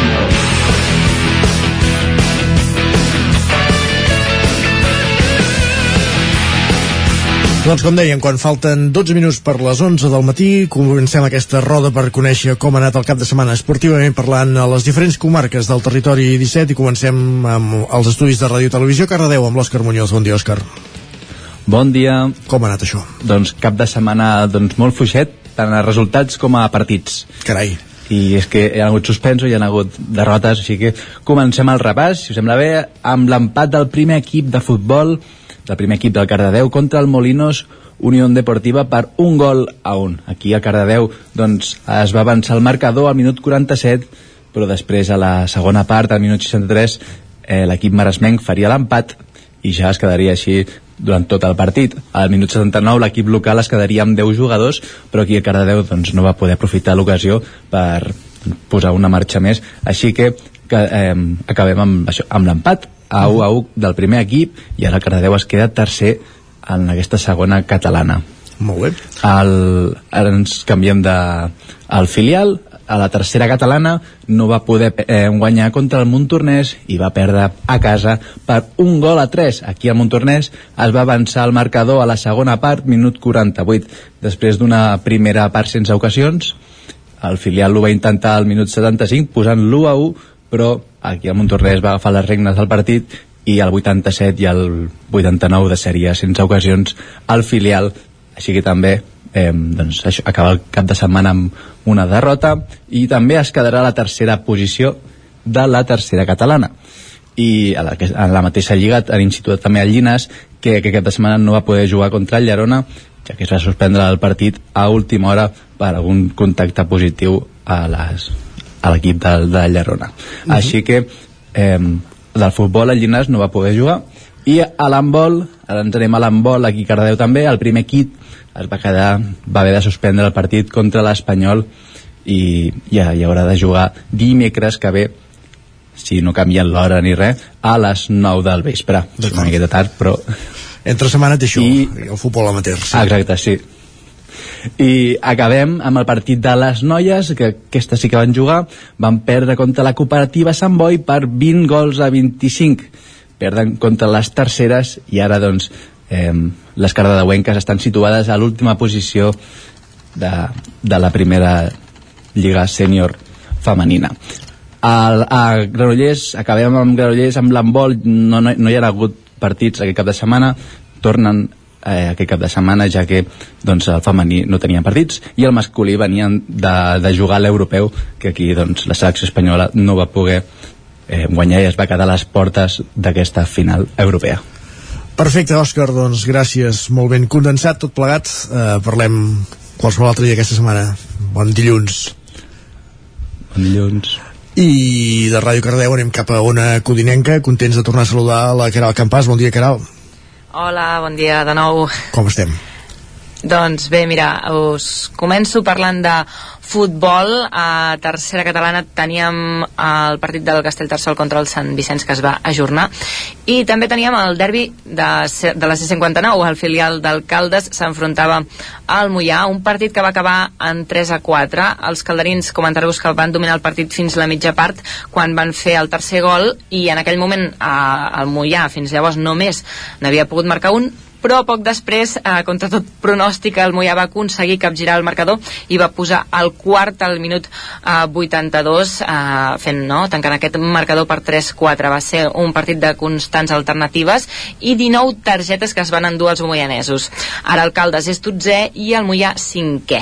I no deixo tercera eh, parlant-vos del Sant Feliu, que s'enfrontava al Santa Eulàlia. El Sant Feliu va ser derrotat a casa davant eh, he dit és Santa Eulàlia i és el Santa Eugènia de Berga, perdó. Uh, el Sant Feliu va ser derrotat per 0 a 2 en un partit que va ser força igualat. Uh, el Santa Eugènia va fer un gol en cada part, signats tots dos per Quintana, i això sumat a que els codinencs doncs, no van tenir sort de cara a porteria va donar aquest resultat de 0 a 2 i me'n vaig a segona on el primer equip d'alcaldes s'enfrontava al Taradell i els calderins tenien un repte majúscul perquè eh, doncs, els de José Luis Duque afrontaven aquest partit amb moltes baixes entre Covid, sancions i, i lesions. Eh, finalment, Alcaldes va poder vèncer no, els usonencs. Eh, eh, els calderins van fer tres gols, tres gols signats per Anaya, que va ser l'autèntic protagonista. Eh, van començar amb força posant el primer gol ja al minut 6 i bé, ja tenien el partit resolt abans del descans. Per tant, bones notícies pels calderins que feia dues jornades que no guanyaven. I me'n vaig a l'hoquei, si us sembla, um, els codinencs, uh, el Sant Feliu de Codines que el tenim a segona divisió, ha hagut de jugar fins a set partits a casa per poder guanyar a domicili. Mm. Aquest dissabte ho van aconseguir contra el companyia de Maria, els gallecs. Eh, van patir fins al final, però bé, els tres punts es van quedar a casa en aquest partit que va acabar en 5 a 4 i les noies del Vigues van sumar desgraciadament dissabte la tercera derrota consecutiva en perdre per 3 gols a 0 a la pista del segon classificat al Palau de Plegamans que és un dels favorits al títol de la Lliga uh, i acabo comentant-vos que el primer equip d'alcaldes uh, no ha disputat i uh, jugarà aquest dimecres a les 9 del vespre contra el Voltregà doncs estarem pendents també d'aquest derbi del territori 17 entre alcaldes i el Voltregà. Gràcies, Caral. A vosaltres. Bon dia. Anem cap als estudis de la veu de Sant Joan de nou amb l'Isaac Muntades i ara parlem d'esports. Parlem, sí, sí, parlem de, de futbol, si voleu. Uh, comencem per al Camprodon, el subgrup A de la segona catalana, que va caure golejat 1-4 a casa contra el Porqueres en un partit doncs, on els camprodonins van tornar a desaprofitar algunes ocasions i el seu rival doncs, no, no va fallar. De fet, el Porqueres va posar 0-3 al descans amb un gol d'Ibrahim de, de penal Uh, també Ibrahim uh, va marcar després d'una centrada per la banda uh, i Anuar va aprofitar una errada defensiva per posar el 0-3 i sentenciar doncs, el partit. A la segona part del Camprodon sí que va ser molt superior, ho va tenir a tocar perquè uh, va tenir un parell d'ocasions d'Abde per retallar, Aissa va aconseguir posar l'1-3 i fins i tot li van anul·lar un gol per fora de joc, vull dir que podria haver eh, posat la por al cos al Porqueres però no va ser així. I al final doncs, els porquerencs van aconseguir un gol en els, en els últims minuts d'Ibrahim per posar l'1 a 4 el Camprodon segueix cuida de la Lliga amb només 7 punts i només queden 5 partits per acabar doncs, aquesta primera fase del campionat. A la tercera catalana, encara en futbol el Camp de Bànol va ser l'únic equip que va guanyar. Ho va fer per 2 a 1 al Cornellà de Terri i es manté en la lluita per guanyar la Lliga quan segurament ningú apostava a principi de temporada. Els candanolencs ara mateix són tercers amb 32 punts a només un punt del líder. I, i bé, dir que el partit doncs, només començava a tenir un parell d'ocasions al camp de Bànol uh, Omar va fer el primer en rematar una centrada de Christian, el Cornellà de Terri mitjançant Rodríguez va empatar de penal als 20 minuts. I encara a la primera part doncs, Omar va fer el segon després de plantar-se tot sol davant del porter en l'1 contra 1 amb un, amb un xurràs ajustat al pal. El Cornellà de segona part en va tenir una de molt clara ajustada al pal però el marcador ja no es va moure més. Uh, pel que fa a l'Abadesenc, no acaba d'arrencar, va empatar dos al camp de la Cellera un partit que tenia dominat al descans amb un 0-2 i es va deixar doncs remuntar fins i tot en els últims minuts eh, Francolí eh, va ser expulsat i es perdrà doncs, el derbi d'aquesta setmana contra, contra el Camp de Bano la Badassenc va començar bé, Àlex va fer el 0-1 en una centrada cap dins l'àrea, Isma abans del descans doblava l'avantatge després de fer un, un gol per l'escaire. I a la segona part la Cellera doncs, va empatar també només començar. Nubic va aconseguir un altre golàs també de volea per l'escaire. I a falta de 10 minuts eh, Cesai va empatar aprofitant una errada defensiva i bé, la Badesenc és 8 amb 23 punts i està a 10 del capdavant del campionat, per tant ho té bastant malament. Dues coses per acabar. A la primera fase de la primera catalana d'hoquei, l'Hockey Club Ripoll va patir una desfeta a la pista del Vilassar, de, del Vilassar per 4 a 1 en un partit amb un marcador enganyós. Van començar guanyant els ripolleros amb 0 a 1 amb gol de, de Paricio. Els locals van capgirar l'electrònic abans del descans i a la segona part el Ripoll doncs podia haver golejat perquè va tenir 6 pals però no va tenir gens d'encert i a més a més l'actuació de l'àrbitre doncs els va perjudicar perquè els van anul·lar un gol eh, bastant, bueno, que era legal i en principi doncs hagués suposat l'empat i el Vilassar va acabar sentenciant amb, amb aquest 4-1. Ara és, el Ripoll és tercer amb 22 punts i ja no podrà pujar més de, amunt d'aquesta posició quan queden dos partits per acabar-la. I per acabar, el partit més im, important diguéssim d'aquest cap de setmana i sens dubte i contra tot pronòstic que la Primera Nacional de Futbol Sala doncs va produir un resultat molt inesperat perquè el Betània Patmos, que arribava invicta... i muntades, estem parlant. Sí, sí, sí, sí, sí perquè no, la, no, no les tenia, realment no les teníem totes, però clar, no sabíem els factors de que van tornar uh, bastants jugadors lesionats. Entre ells el porter, Jaume, que és un dels millors porters de la categoria i també jugador de la selecció catalana, i clar, això doncs, uh, va fer millorar l'equip, no? Uh, arribar invicta el Betània Patmos, a Ripoll, i el Ripoll el va guanyar, 3 a 2. Uh, va començar també guanyant el Ripoll amb gol d'Eudal, va empatar el Betània, després Dani va fer el segon, els visitants van tornar a empatar, i Pere va fer el tercer. Va haver ocasions per als dos equips. El Ripoll n'hauria pogut fer molts més de gols. El Betània també va tenir dos pals. I, i bé, bon resultat, boníssim resultat pel Ripoll, que surt del descens i, i ja és novè amb 8 punts amb dos d'avantatge sobre la zona calenta però recordem que té dos rivals per sota que tenen dos partits menys també. Perfecte, Isaac, doncs moltíssimes gràcies Parlem més tard. Fins ara. Fins ara. Adéu. I acabem aquest recorregut, com sempre, als estudis del 9FM amb l'Ester Rovira. Bon dia, Ester. Bon dia. Uh, nosaltres comencem amb, amb hoquei okay i amb la, la World Skate Europe Cup, que, que aquest cap de setmana uh, doncs enfrontava el, el Voltregàster Motor amb el Sant Joanense portuguès, uh, un partit que va acabar amb golejada uh, dels de Sant Hipòlit en la, en la competició uh, per 8 a, a 1, uh, bon partit de, del conjunt de Manolo Barceló que gràcies a una gran primera part doncs, va superar eh, el, seu, el seu rival eh, i, i per tant doncs, primera victòria a Europa i, i convencent eh, doncs, a, a, la seva, a la seva afició. En el cas de, del Martinelli a Manlleu tenia partit d'hoquei Lliga eh, jugava a casa contra el Palafrugell un rival directe i va guanyar per 3 a 1 eh, que són 3 punts molt importants i que els allunyen de les places de, de descens directe en el, en el seu cas. Recordem que eh, fèiem moltes jornades que, que els manlleuencs no, no guanyaven i, i ho han pogut fer.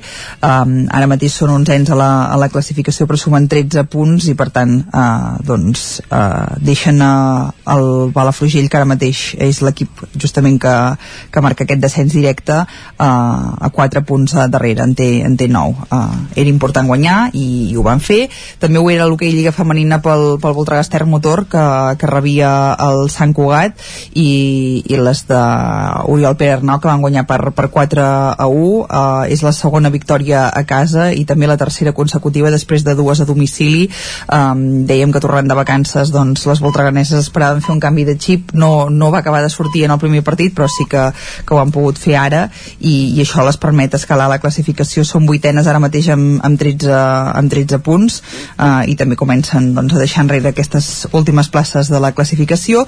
I qui no va poder jugar aquest cap de setmana era el Martinelli a Manlleu el seu partit eh, que l'enfrontava al Cerdanyola però tot i així les manlleuenques continuen líders de, de l'hoquei Lliga femenina. En el cas de l'hoquei Lliga Plata eh, el Taradell va golejar per començar la segona volta de, de competició va imposar-se a casa l'Olot per 4 a, a 0 eh, amb 3 gols en els darrers 10 minuts que van permetre doncs, aconseguir aquesta, aquesta victòria mentre que el Club Pativic eh, no va aguantar la, la pressió i va caure en els últims minuts contra el Sant Cugat per 3 a, a 5 en aquest cas eh, en aquest grup eh, sud de l'hoquei eh, Lliga Plata el Taradell és tercer amb 23 punts mentre que el Pativic és vuitè eh, amb 11 eh, i ara mateix doncs el Vilanova és eh, primer equip que perdria la categoria amb 6 punts eh, el, el, el té a 5 eh, en el cas de, del Vic. Eh, en futbol destacar que, que la primera nacional eh, femenina eh, el Vic primer va aconseguir marcar 7 gols aquest aquest cap de setmana a casa contra el Casablanca. Uh, van trencar una ratxa negativa, recordem que, que portaven i ho van fer davant uh, doncs, un rival i per, per golejada, això les permet ser novenes a la classificació ara mateix. I a la primera catalana masculina on portem tota la temporada explicant que, que tot l'interès està centrat en, en els conjunts usonencs en el cas del grup 2, doncs aquest cap de setmana hi havia un nou derbi, el que enfrontava el Vic Riu primer i el Tona. Eh, se'l van emportar els tonencs per 2 a 4 i això els ha permès eh, situar-se com a líders en solitari. Eh, ara mateix amb 32 punts dos més que el Manlleu eh, que fins ara era doncs, qui, qui liderava aquest grup eh, perquè els manlleuencs van empatar a, a casa a un gol amb el, amb el Júpiter eh, un equip que es va tancar doncs, molt a darrere i va dificultar les coses a l'equip de, de Manel Sala. I en el cas de, del Vic també van aconseguir un empat a uh, un gol, en el seu cas a la seva visita al Sant Feliuenc, gràcies a Campaio que va salvar un punt en el minut 84 de, de competició.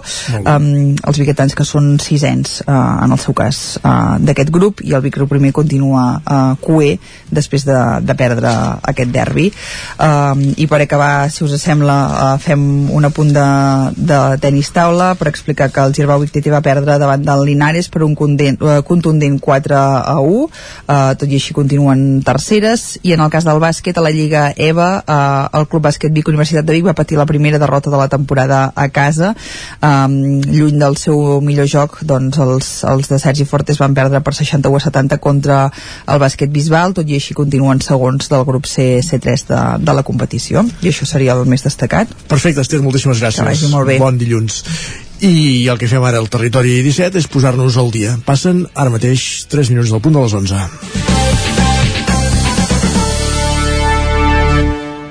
Territori 17, amb Isaac Moreno i Jordi Sunyer.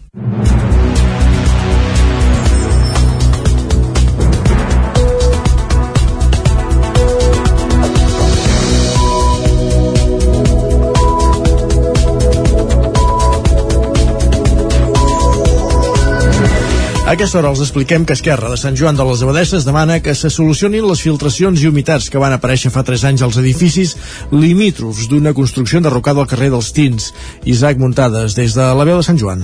L'any 2012 l'Ajuntament de Sant Joan de les Abadeses va decidir enderrocar de forma subsidiària un edifici del carrer dels Tins a la Vila Vella, propietat d'una entitat bancària que amenaçava ruïna i de fet un informe tècnic així ho acreditava. En el darrer ple del consistori el porteu d'Esquerra Republicana de Catalunya, Sergi Albric, va recordar que quan s'aterra una construcció s'han de protegir les mitgeres dels edificis limítrofs que estan a banda i banda per evitar filtracions. El regidor republicà va apuntar que l'Ajuntament va enderrocar l'edifici amb bon criteri perquè el banc no assumia la responsabilitat, però que va cometre l'error de no protegir les mitgeres.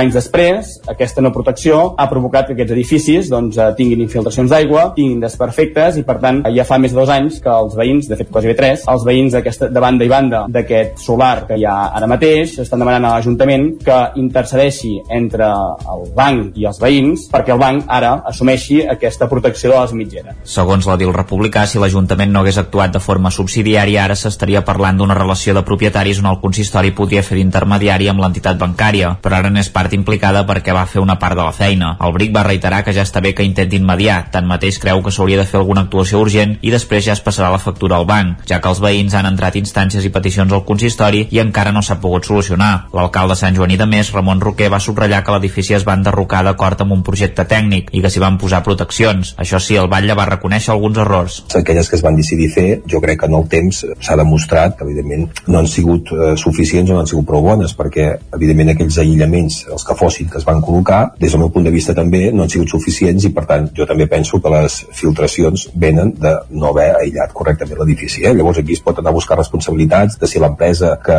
tenia doncs, l'encàrrec ho va fer bé o no va fer bé, o, o, o si el tècnic va ser prou curós o no en, en que es fes d'una manera o d'una altra. Roquer va reiterar que els tècnics tenen la problemàtica sobre la taula i segueixen treballant per solucionar-la, ja que s'hi han fet algunes accions que no han donat resultat. En tot cas, l'alcalde va manifestar que caldrà anar pel dret i atacar el problema. El BRIC va reclamar reclamar-li més celeritat, perquè segons ell, 3 anys atacant el problema és anar una mica lents. La caiguda de la majoria de restriccions contra la Covid-19 a Catalunya arribava a Osona amb el pic de la sisena onada assolit. Les dades globals certifiquen una certa estabilització de casos, però als centres hospitalaris de la comarca encara hi ha 128 persones ingressades a causa del virus. També preocupa que a prop d'un 5% dels treballadors del Consorci Hospitalari de Vic estiguin de baixa a causa de la pandèmia, precisament.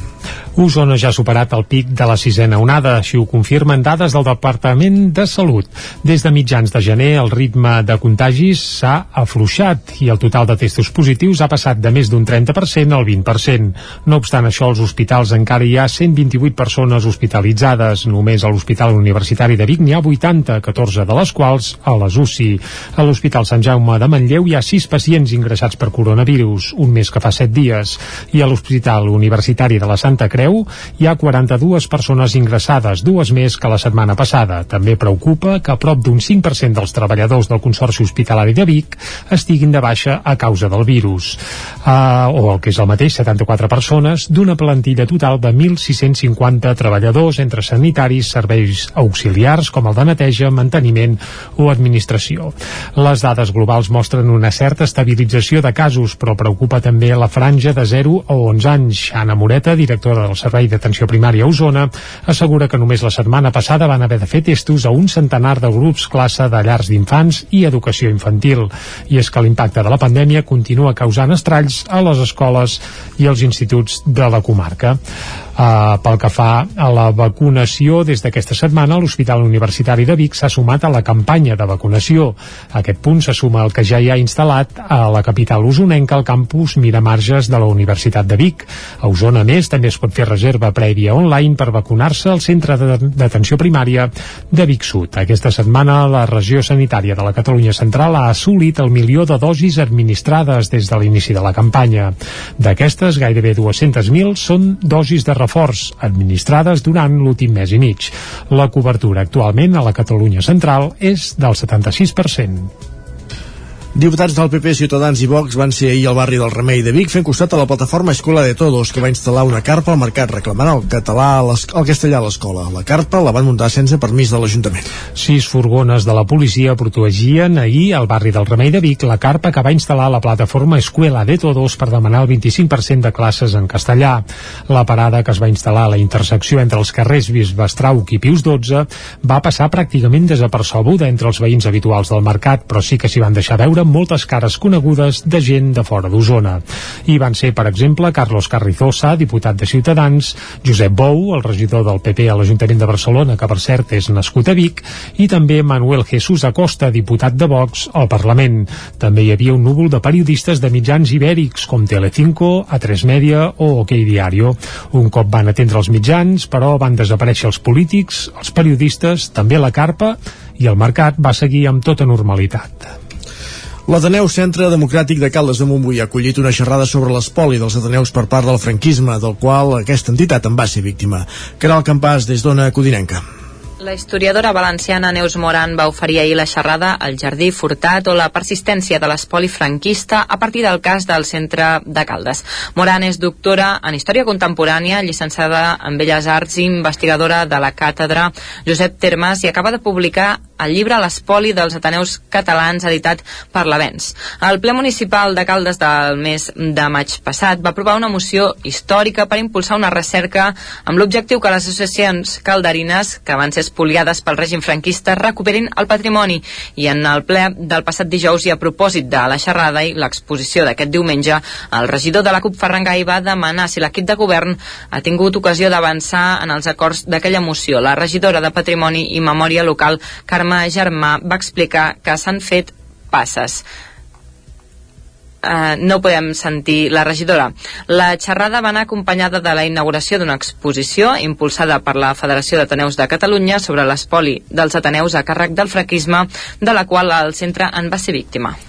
Gràcies, Caral. Acabem aquí aquest repàs informatiu que començàvem al punt de les 11 i algun minut en companyia de Jordi Sunyer, Caral Campàs, Isaac Muntades i Núria Lázaro. Tot seguit continua el territori 17 i el que farem tot seguit és anar cap als solidaris amb l'Eloi Puigferrer des de Ràdio Vic.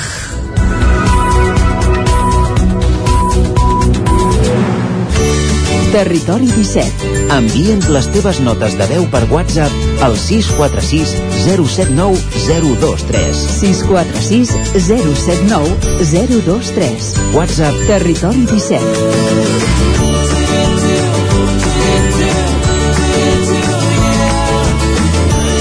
Territori 17. Som a Facebook, Twitter i Instagram amb l'usuari Territori 17.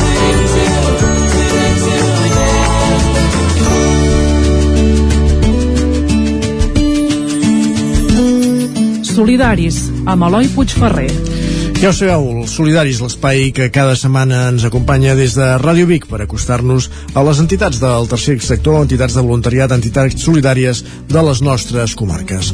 Avui farem un cop d'ull al peregrinatge a Lourdes. Com dèiem, el que fem tot seguit és parlar amb Eloi Puigferrer. Bon dia, Eloi. Lourdes a França és ben conegut com un lloc amb una càrrega espiritual i mística molt important. És un lloc de pelegrinatge i estretament relacionat amb la religió, ja que té molt a veure amb els miracles que es relata que van ocórrer allà. Però no tot té a veure amb la religió, ni molt menys amb aquest pelegrinatge místic. A Osona, des de ja fa molts anys, hi ha un grup de gent i persones que, de manera totalment voluntària, s'emporten a totes les persones que volen anar a Lourdes i, com una comitiva, fan aquest llarg viatge. Aquest, però, té moltes complicacions, ja que les persones que hi van necessiten unes atencions especials i són col·lectius considerats totalment vulnerables però res frena aquest ímpetu de fer felices a les persones i des de ja fa un bon reguitzell d'anys l'Hospitalitat de Lourdes de la diòcesis de Vic viatja cada any a Lourdes amb més de 700 persones. Així que avui el programa Solidaris des de Ràdio Vic i a través de l'antena del Territori 17 ho comentem amb en Xavier Ferrer. Xavier, benvingut. Uh, Explica'ns una mica amb tot el tema de la Covid, amb tota aquesta pandèmia que estem vivint, com està actualment l'hospitalitat? Està, em deies, una mica amb stand-by, és veritat? Uh, sí, lamentablement, uh, igual que ha afectat segurament altres entitats o altres moviments com, com el nostre, uh, està realment, doncs sí, amb stand-by. Amb stand-by vol dir una mica justament això, no?, que any rere any ho tenim tot a punt, tenim la programació per tornar a reemprendre el pelegrinatge que seria el 53è quan el puguem fer però eh, la realitat és aquesta no? que des del l'aparició de la Covid el 2020 portem doncs dos anys que per les condicions sanitàries i socials que hi han tant al nostre país com a, com a França doncs ens ho han fet impossible perquè recordem primer una mica per ubicar les persones què significa el pelegrinatge. Es fa sempre a les mateixes dates, és bàsicament que la gent malalta o la gent gran viatja a Lourdes, no? Sí, sí, eh, des de fa això que dèiem, no?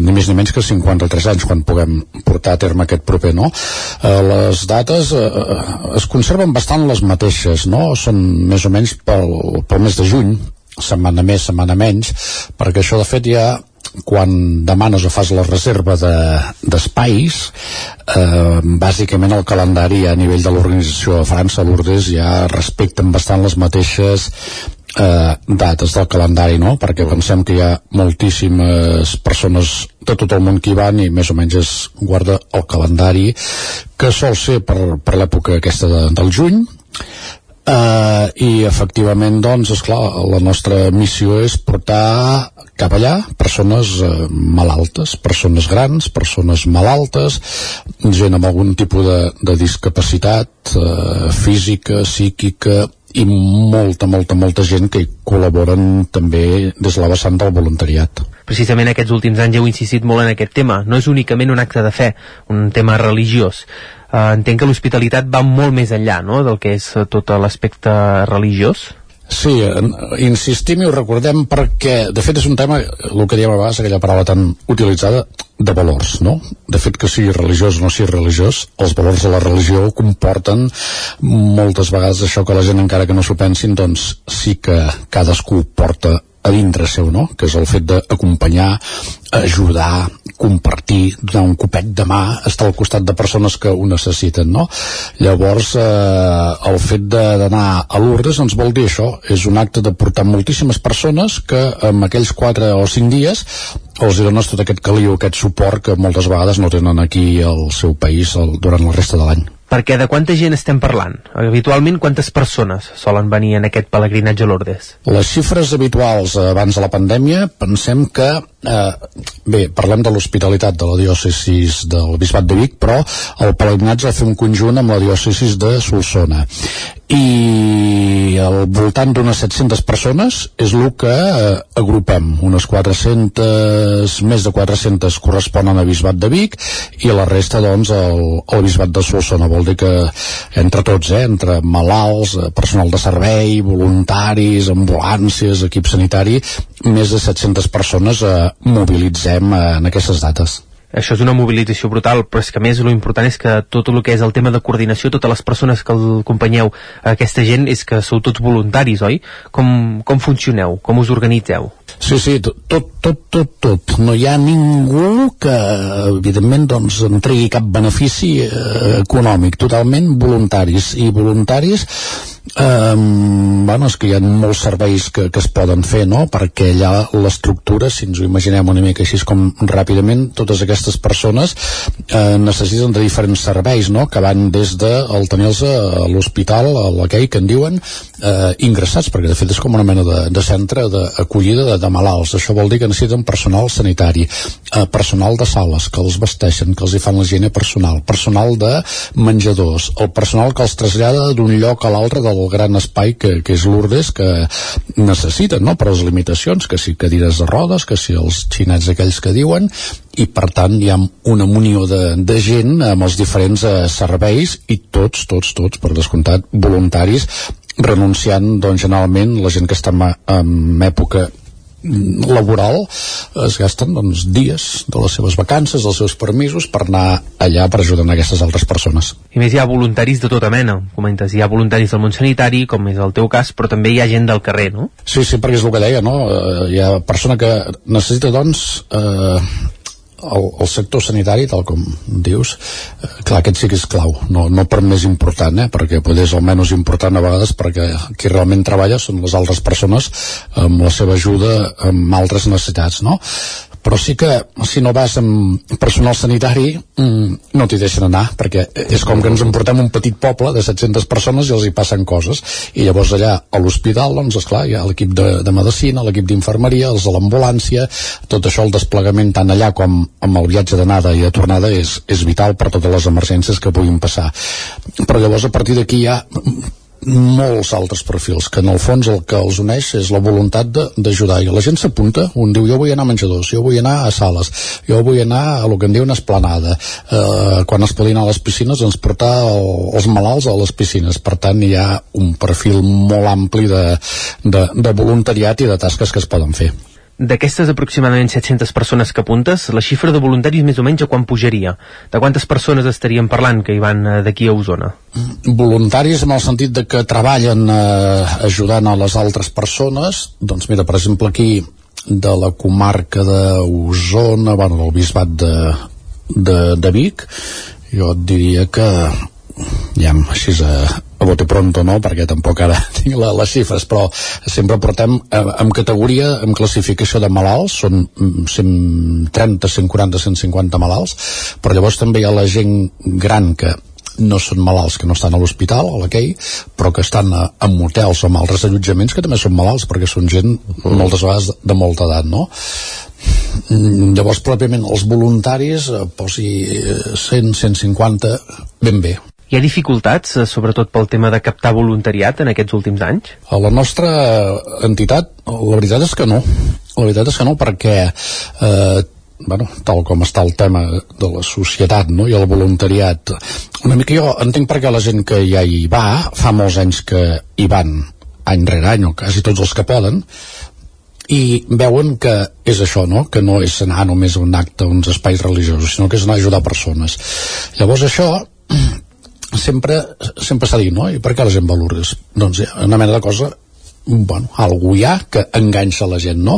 I que quan es fa la convocatòria d'anar-hi, doncs realment la gent respon i, i no tenim problemes de, de voluntaris. De moment, veurem ara amb la postpandèmia a veure com anirà, però no, no, és una sort perquè any rere any, doncs això no, no decau, no, no se'n va cap avall la xifra del voluntariat. Un dels temes polèmics, un dels que sol ballar cada any és el tema del transport i a més ho heu tastat tot, heu tastat tren, heu fet servir bus i al final aquest és el amb el que us heu quedat, oi? Cada any hi aneu amb autobús? Sí, ara, i, i de fet no, no, no va malament, eh, el bus, clar, la, la gent potser algunes persones grans encara tenen el record de, del tren de Lourdes, no? que anaves amb, amb tren, els malalts allà amb una mena de, de lliteres, era com una mena de, de mite, no? però clar, arriba un punt que les coses també canvien, evolucionen, va arribar un moment que era molt difícil no? pel tema ja de les pròpies companyies de tren, no? el, tot el, tota la logística, disponibilitat d'aquests trens i es va fer el, el canvi cap a, a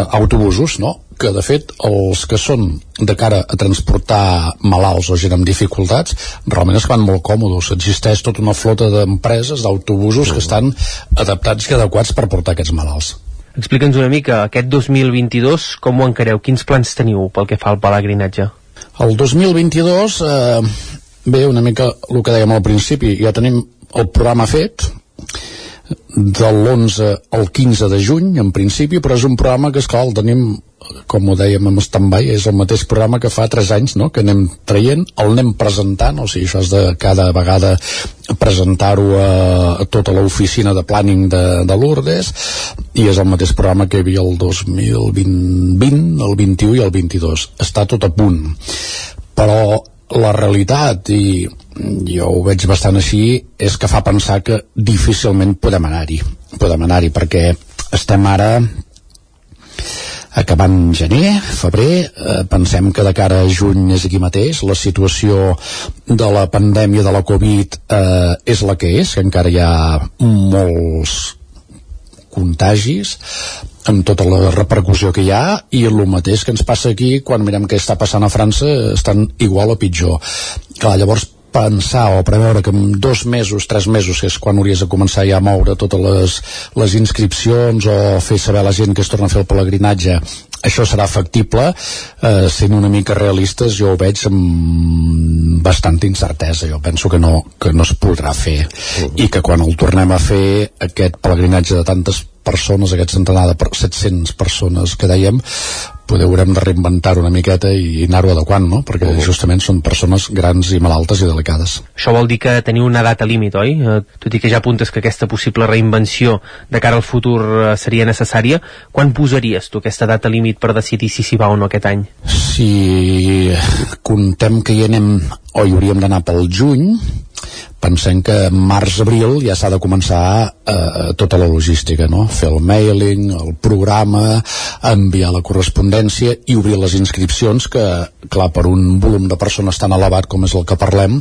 doncs gairebé parlem de dos mesos abans has de començar a preveure-ho. Això vol dir també fer les reserves, els autobusos, els hotels, el centre sanitari, i d'aquí al poc temps que ens queda si no canvia molt, doncs dona com molta incertesa, no? El fet de que no s'hi pugui anar vol dir que també haureu de fer altres activitats, per com les que ja heu anat fent durant tot aquest temps, perquè realment no us heu pas quedat precisament quiets, oi? Sí, sí, s'ha mantingut l'activitat, la, la, diguéssim, la raó de ser de l'hospitalitat i del, o és o continua sent el pelegrinatge, i el que passa que des de les diferents eh, delegacions, tant la d'Osona, Ripollès, com el Bages, com la Noia, com també els, els companys de Solsona, mm. tot l'any van fent activitats per mantenir una mica el caliu i activitats que solen anar sempre doncs, amb, amb trobades, amb festes anuals, eh, aquí a Vic doncs, organitzen el, el Nadal, el tema dels pastorets. Eh, sí, hem anat fent moltes activitats, el programa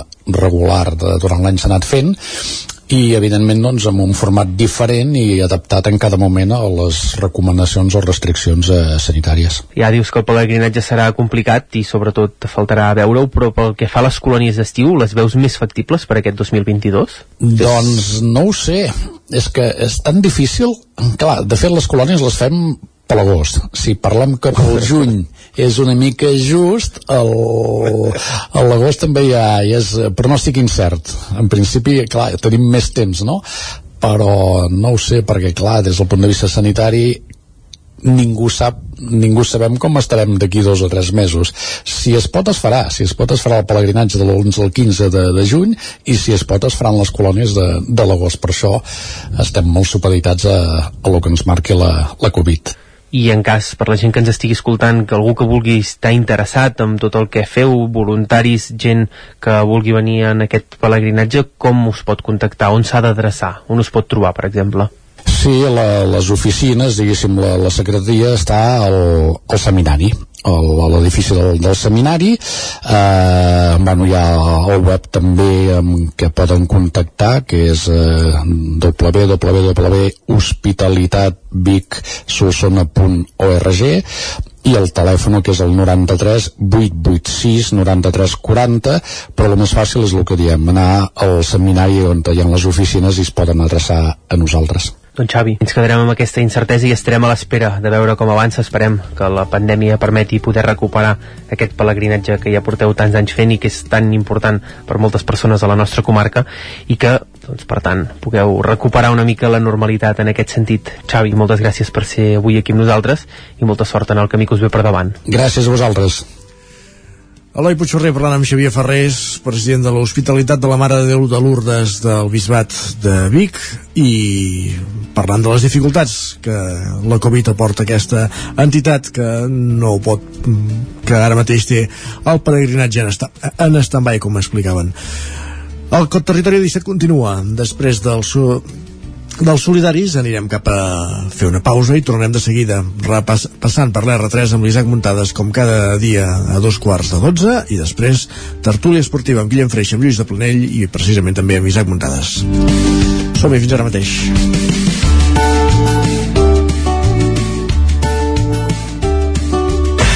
El nou FM, la ràdio de casa, al 92.8. Mmm, quan fa que no menges pluma ibèrica de Salamanca i xuletilles de lechal a la brasa amb una bona amanida? Oh, i un xuletón de vedella gallega? O lechazo de Castilla al forn? Ah, i botillo del Bierzo amb cachelos i col? Ei, i cochinillo a l'estil de Segovia, i tot acompanyat d'un bon celler. Oh, i uns bons serranitos de pollastre, de llom, de burguesa, del que tu vulguis. Per menjar la millor cuina de lleó sense moure't de casa, vine a El Racó de León. Fem cuina tradicional lleonesa i de mercat. Vine amb la família, amb els amics, amb la parella o sol. T'encantarà. El racó de León. Som al carrer Torelló 35 de Vic. Reserves 93 889 1950. Tanquem els dimarts. El racó de León. Vine a tastar una cuina diferent. Les males herbes no et deixen veure i clar? Amb Sebastià Vivet això s'acabarà. Desbrossaments forestals de finques i terrenys, treballs d'hort i boscos amb tractor, tallem gespa a l'engròs, som professionals i tenim tota la maquinària necessària. Truca'ns al 636 24 22 85. Sebastià Vivet, preparats pel que calgui. A la rostisseria El Plat ens agrada la cuina de sempre, la de les àvies i de les mares. La cuina feta amb paciència com s'ha fet tota la vida. Vine a provar els nostres canelons gruixuts o els croquetons, les nostres croquetes de 80 grams. I recupera el gust del pollastre las com els que es menjaven abans. Ah, i aprofita fins a finals de febrer 20% de descompte en els canelons i el pollastre. Rostisseria El Plat, encàrrecs fins a les 12 del migdia i servei a domicili. Ens trobaràs de dijous a diumenge al carrer Església número 6 de Taradell o al 93 135 58 85. Cobertes serveis funeraris. Els nostres tanatoris estan ubicats en els nuclis urbans més poblats de la comarca d'Osona per oferir un millor servei. Tanatori de Vic, Tanatori de Manlleu, Tanatori de Centelles i Tanatori de Roda de Ter. Sabem que són moments difícils i per això el nostre compromís és atendre-us en tot moment amb un tracte humà, sensible i respectuós. Cobertes serveis funeraris. Telèfon 24 hores 93 883 23 46. El nou FM, la ràdio de casa, al 92.8. Cocodril Club. Si t'agrada la bona música dels anys 60, 70 i 80, escolta el 9 FM els matins de dissabtes i diumenges d'11 a 1. És el temps del Cocodril Club, tot un clàssic de la ràdio, amb les bases del pop-rock, les llegendes, les cançons que s'han convertit en autèntics himnes. Recorda, dissabtes i diumenges al matí, d'11 a 1, al 9 FM 92.8. Cocodril Club, el programa revival de l'Albert Malla. Hasta luego, cocodrilo. El nou FM, el nou FM, el nou FM, el nou FM. Territori 17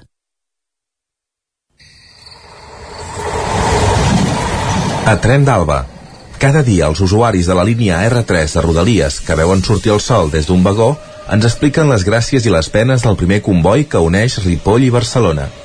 Benvinguts a Tren d'Alba. Primer de tot, m'agradaria felicitar la plataforma perquè no ens fotin el tren, que aquesta darrera setmana va fer 9 anys, que és una xifra gens menyspreable, encara que l'ideal hagués estat que no hi hagués arribat, perquè voldria dir que l'R3 no té cap problema. El col·lectiu destaca que aquest 2021 ha estat l'any de la implicació dels ens polítics i socials en la defensa de la millora de la línia. A principis d'any es posava en funcionament la comissió pel desdoblament de l'R3, liderada pel regidor de Vic, Josep Arimany, i arran d'això i amb la implicació de la Cambra d'Osona, al novembre de l'any passat, es va crear l'oficina tècnica tècnica de l'R3 per vetllar pel desdoblament de la línia i per a la millora dels serveis, i també per donar suport a tots els ajuntaments per a temes relacionats amb l'R3. Des del grup valoren molt positivament que els agents econòmics i socials s'impliquin en la millora de la línia. Per ara anem pel bon camí. Durant la resta de la setmana us seguiré resumint aquest aniversari. Per ara deixem en Jordi Valls amb la seva crònica diària. Bon dia, sóc en Jordi de Centelles. Avui el primer de Vic, 3 minutets tard. No és de malament per començar la setmana. I no vull ser d'aquests rabietes, però avui ferrocarrils de la línia línia Nolla Llobregat anaven uns 9 minuts tard. Hem guanyat en puntualitat. Renfe 1, Ferrocates 0. Un dia, eh? Una flor no fa estiu, ja ho sabem. Us vaig comentar que us volia parlar del tema dels grups de WhatsApp. A part d'avisar-nos,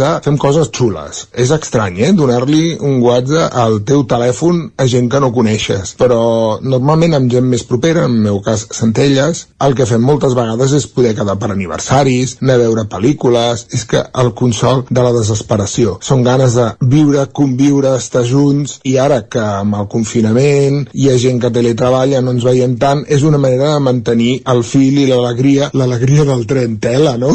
La veritat és que les hores passades compartides fa que fem pinya. Sí, sí, la pinya de la supervivència. Bé, no us amuïno més. És dilluns. Molta força, que queden molts dies per les properes festes. Ja sabeu que una mala renfe no us espatlli la màgia del tren. Adéu-siau. És ben bé que els trens s'hi poden forjar amistats d'aquelles que s'estenen al llarg dels temps, un fet que fomenta la companyonia i l'amistat, sobretot en una època de més distància social. Va, en retrobem demà amb més històries del tren i de la R3. Territori, Territori 17. 17. Territori 17.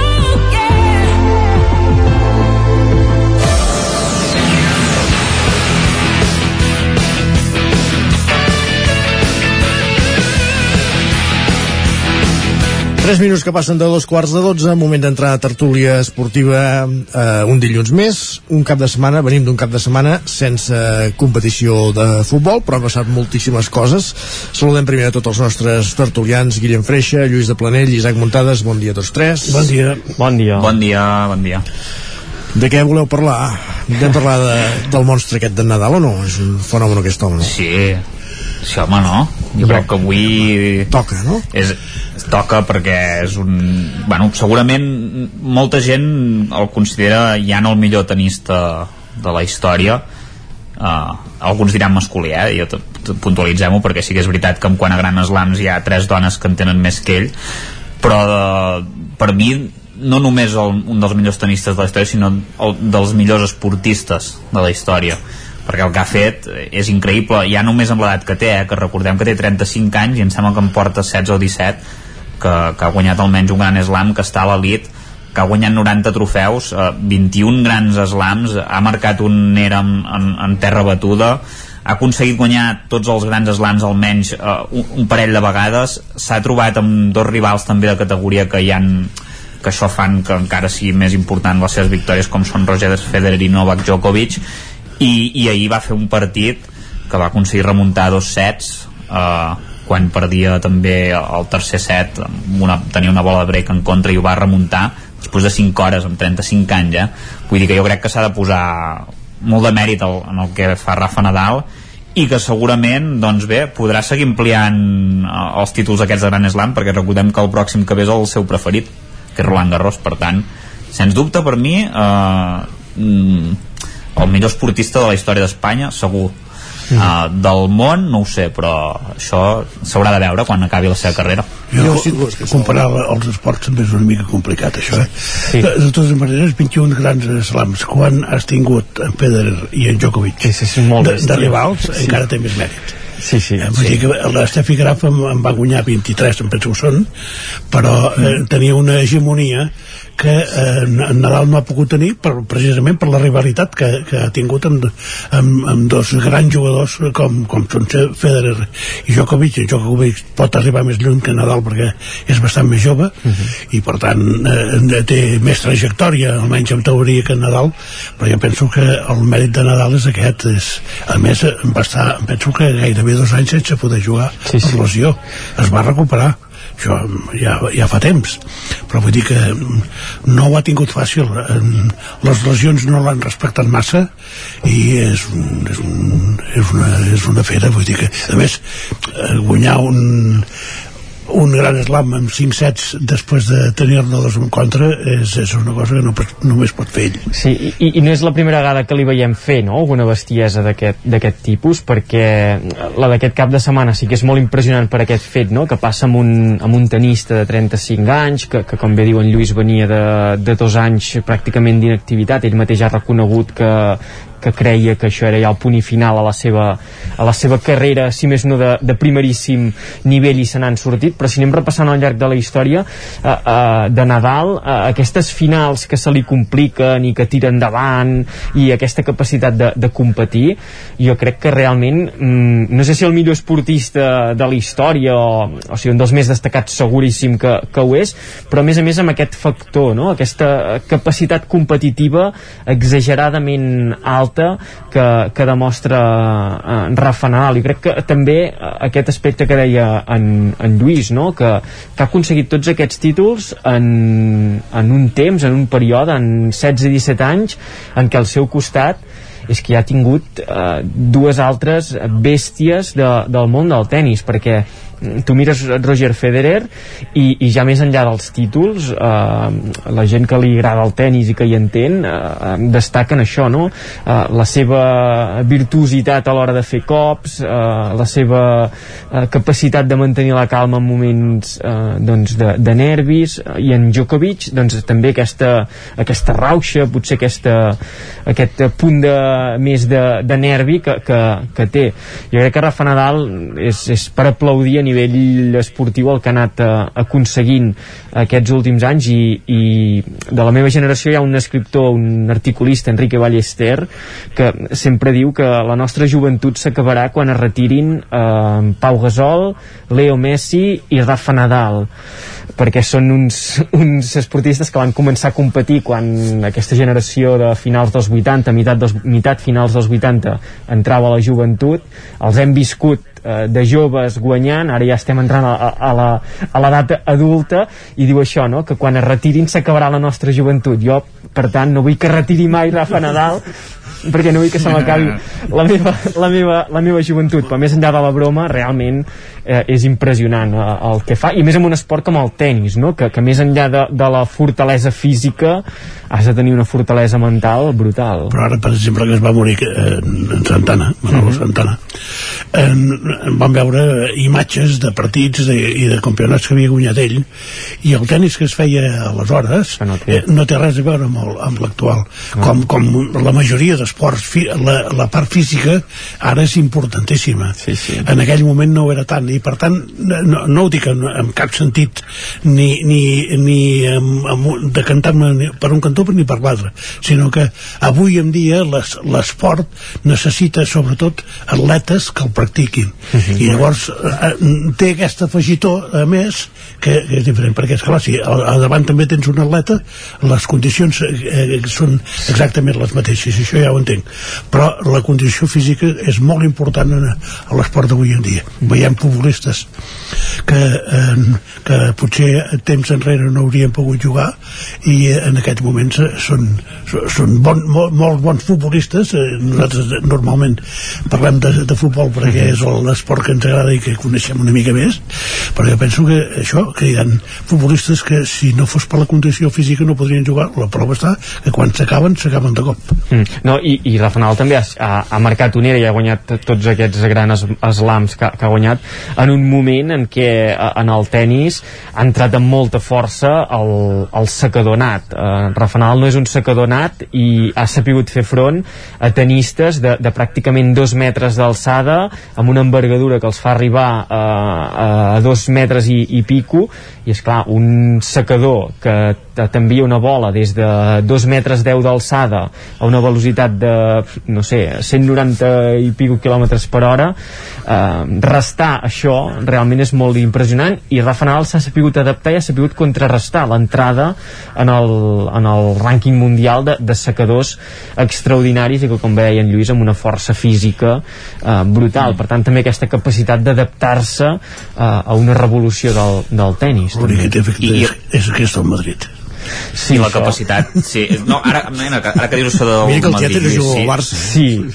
Sí, aquí va però- fallar alguna cosa, eh? aquí pel camí no sé què va passar però... Però ser del Madrid inclou tenir molta capacitat de, de sacrifici i de lluita, no? Bueno. Que això estarem tots, estarem tots d'acord, no? I en Rafa Nadal és l'exponent màxim perquè recordem que en aquest torneig ja fa bastant temps eh, està jugant doncs, amb un peu pràcticament mm, trencat, que, que fa 5 mesos estava anant amb, amb crosses, no? Sí, I, sí. i feien la broma ell i en Federer de dir, ostres, eh, en Federer mateix ho publicava, em sembla, a, a, a les xarxes socials, no? Que estàvem amb, amb crosses els dos i, i mai s'ha de subestimar un campió perquè ja el veieu, no? I al final, doncs, en Rafa Nadal que ha hagut d'això que, que, que deia abans també en Lluís, no? que ha hagut de superar moltes lesions, hi ha hagut temporades que pràcticament les ha tingut en blanc perquè segurament eh, si hagués pogut competir aquestes temporades i no l'hagués limitat al físic segurament portaria molts més grans slams perquè en alguns moments en alguns moments eh, jo crec que est- estava bé. De fet Uh,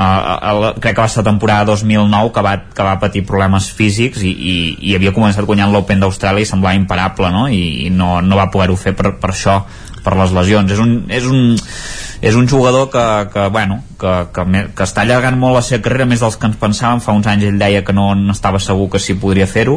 Mm, ja veiem per exemple que en Federer amb 40 anys ja difícilment tornarà i si torna serà per fer un o dos tornejos així per retirar-se. Estem d'acord. Sí. I, en, i en el cas d'en Djokovic que comentau que era més, més jove sí que és, em sembla que és un any més jove que en Nadal o un any i mig o una cosa així però també és veritat que ara hi ha el factor Covid que Sí. veurem què passa perquè com no es vacuni eh, aquesta temporada potser no, no en pot fer cap i és un any perdut i després això s'ha de recuperar eh? vull dir que ja ho veurem Sí, sí, esclar. El que passa que es pot quedar sol en, en Djokovic, perquè en, en Federer ja el donem per mig retirat, cosa que Sí, no s'ha de, sí. no, no de fer mai perquè a Nadal també li donàvem un guieta, Sí. però Sí. en, en Nadal també està a les acaballes.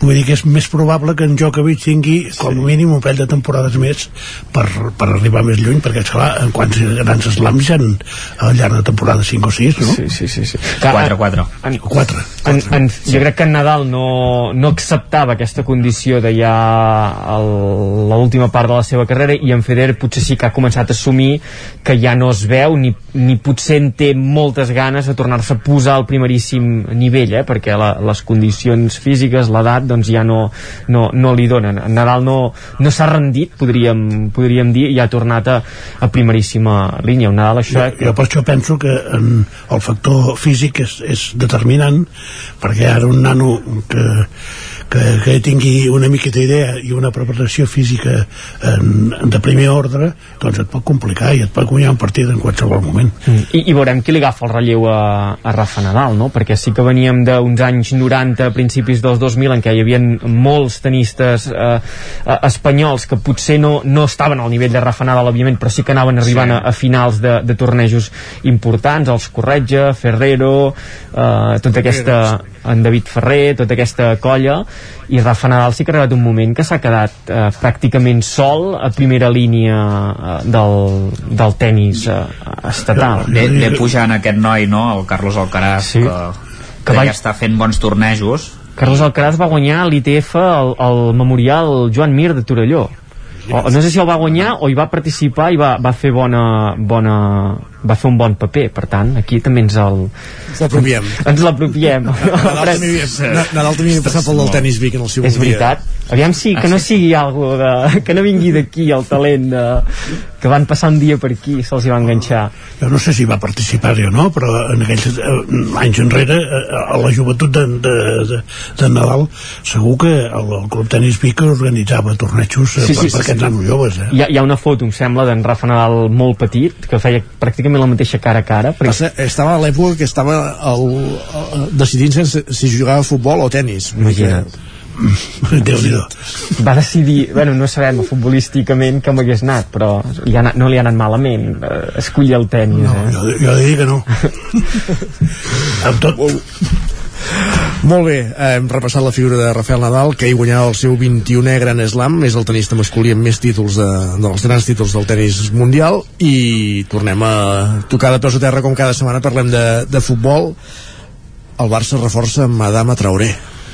Sí, mm, jo crec que... A, a... I, I avui he llegit algú que parla de que hi ha un possible acord entre Dembélé i el PSG. Això us ha arribat alguna cosa? no? Sí, però ara, sí. ara acaben de dir que no. Que no?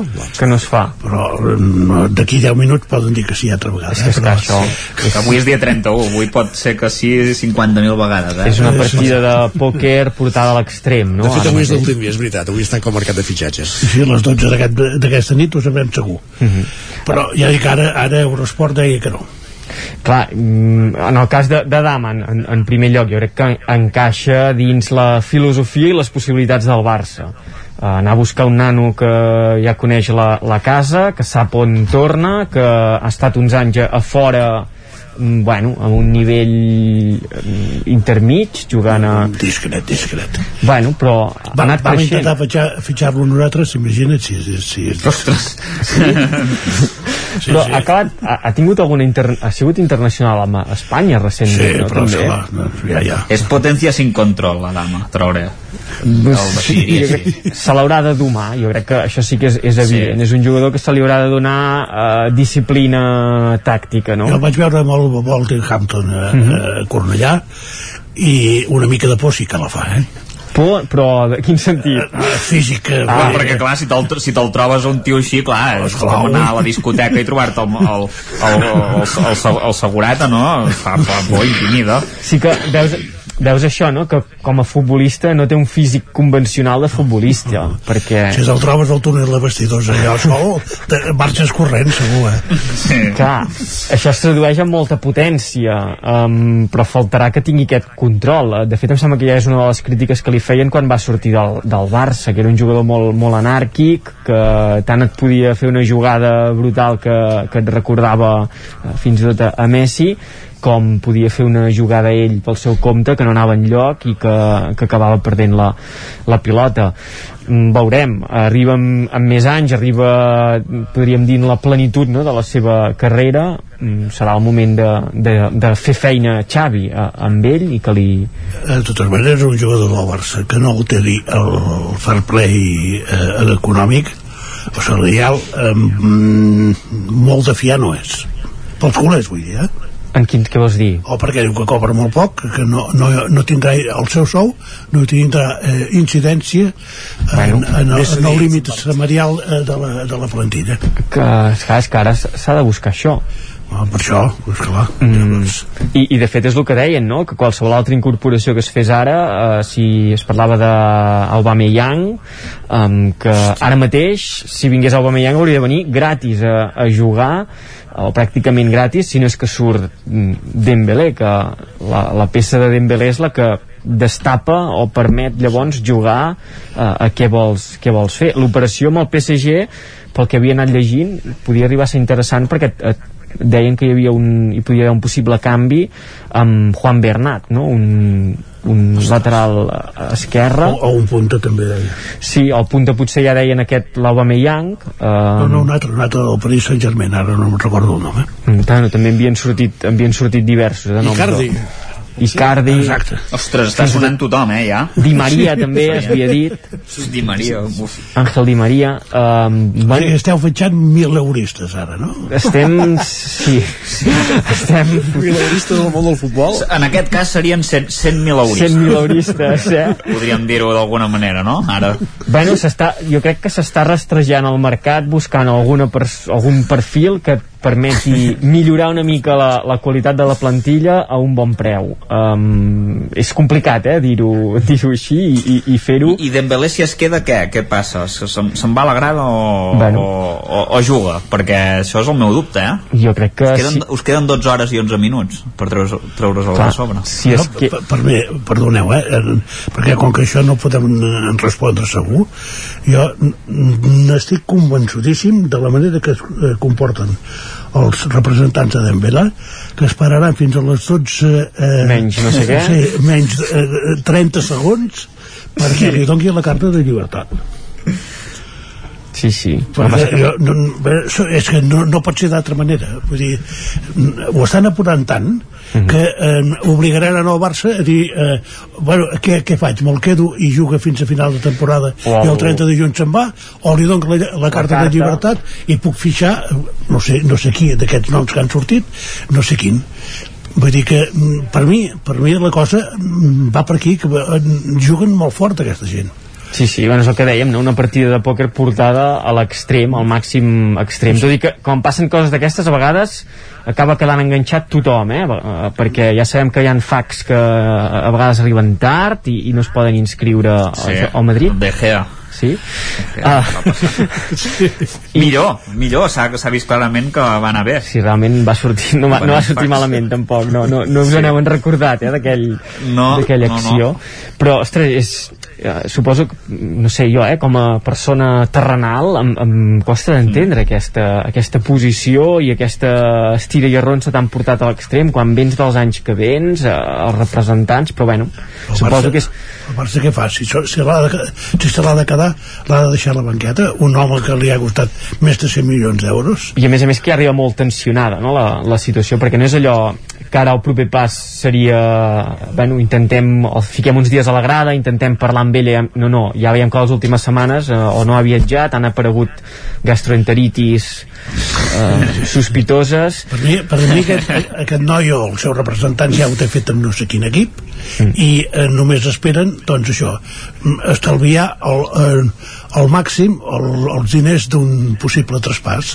I si el Barça es posa nerviós i quan veu que s'acosta a les 12 de, de la nit i no, no, no se'n surt, doncs si li dona És la el carta de llibertat, exacte. És com de focs, eh? Sí. Aquests 20 milions que demanen al principi poden ser 10 o poden ser 5 o poden ser cap. -hmm. doncs clar, tota la rebaixa que aconsegueixin són diners que et foten a la butxaca ells. Vull dir que és així de clar. Mm. Clar, si te'l quedes és això que no pots fitxar i llavors has de fer una feina titànica d'intentar convèncer-lo per si el vols tornar a posar al terreny de joc a, a jugar. I venint del que venim jo no seria optimista. Um, per tant jo crec que la, la situació és complicada pel Barça i realment Dembélé um, s'hauria de girar molt molt la truita en els propers mesos i els propers anys i bueno, primer de tot en les primeres hores perquè es pogués reconduir la situació i ara ja sí que és evident que haurà sigut un, un fracàs condicionat per, per diverses coses eh? jo crec que la, la primera de totes són les lesions perquè les lesions van engegar un, un, una baixada als inferns que, que no hi ha hagut manera de, de remuntar-ho uh, perquè és això, La eh? indisciplina, també, eh? Bueno, jo crec que llavors ha vingut l'altre, que el jugador al sentir-se desconnectat de- d'una rutina d'equip, d'un entorn de competició, eh, d'una estima de l'afició fins i tot, perquè, ostres, un jugador com ell que en teoria estava cridat a ser una de les peces importants o, o, o d'una zona en què és fàcil connectar amb l'afició tampoc ho ha pogut fer uh, Dembélé. I jo crec que tot aquest cúmul de coses en el cas de Dembélé doncs han explotat uh, en un còctel fatal que l'han portat a, a on estem ara que sembla, sembla brasileño és... sí sí, sí, sí. Mm, realment és, és eh, aquesta, però és clar, és que tampoc ha- ha- s'ha expressat massa mai no, Dembélé, a, a nivell ell de, no sé, alguna entrevista algun... no, no... És que jo no sé ni si Dembélé sap parlar castellà. és que és això Vosaltres l'heu sentit, l'heu sentit parlar mai? en, ja, ja no dic en català, eh, perquè ja donem per fet no, que no, català, no que ningú s'expressa en català, ningú que ve aquí, eh, vull dir, si no ho ha fet Messi amb els anys que portava, exacte, però, però Dembélé jo és que no l'he sentit. Però... És que fins i tot he escoltat a Bale parlant en castellà alguna vegada. Uh Mhm. -huh. que, que això és fort, eh, el que us estic dient, que Sí, tampoc perquè- es prodigava, però és que, Dembe, Sí. però és que Dembélé No, no, és un No futbolista l'escolto. que, que ha anat desconnectant. Jo crec que ha anat desconnectant de, de l'entorn, s'ha anat tancant amb, amb, amb el seu cercle de confiança i aquí s'ha quedat. I que el, diguem, el capoll que l'envoltava s'ha anat fent gruixut i no hi ha hagut manera de- d'arribar-hi. I ara en aquestes últimes hores doncs veurem com acaba. Si realment el Barça es veu forçat a donar-li la carta de, de llibertat, de no treure'n absolutament res de res, hosti, passarà a ser dels jugadors, jo crec, més odiats de, de totes maneres l'esport eh? Quin, quin tot, eh, tipus de personatges arriben al capdamunt sí. en Medvedev per, per exemple que ahir deia que el públic eh, te- tenien el cap buit o no sé què perquè el xiulaven quan, quan feia una errada a ell i ai, el xiulaven, aplaudien les errades eh, les seves errades perquè és un personatge que no cau, que no cau bé. Vull dir que mm. persones que en teoria sembla que no tinguin una, una formació escaient per, per, per presentar-se davant del públic però són autèntiques figures de, de l'esport que practiquen i en aquest, en aquest cas en trobaríem molts altres. També al revés, eh, afortunadament. Eh, però vull dir que l'esport permet aquestes coses eh, que gent eh, que sembla dic que sembla intel·lectualment no preparada mm -hmm. estan triomfant Sí, és, és eh, o sigui, trobar la figura d'un esportista complet en el sentit de eh, professionalment i esportivament i intel·lectualment Rafa bueno, Nadal. Hi ha casos bueno, Rafa Nadal és una persona que quan realment quan se li han preguntat eh, per temes una mica importants eh, sempre, si més no ha sapigut respondre o ha tingut un discurs eh, diguem correcte o dins el que es pot esperar d'una persona normal, n'hi ha d'altres que, que no, i amb les declaracions moltes vegades es, es veu, no?, aquesta... jo tirant cap a casa diria en Sergi Darder per exemple. Sí, sí, és un... una, una persona que sembla absolutament preparada per, per, per moltes coses a part de jugar a futbol Mm. L'altre dia també, eh, no sé com va caure a les meves mans una entrevista a Guardiola al Mundial, em sembla que era del 94, i és clar, li Mm. demanaven què has fet en el teu temps lliure eh, mentre feies la preparació del Mundial? I és clar, ell deia... He llegit Miquel Martipol. Sí, sí, llegir... no, no deia Miquel Ah. Martipol, però deia llegir llibres, vull dir... Ah, vale. Uh, que també, uh, ostres, saps? És, és, és una concepció del temps lliure, no?, que no sé si...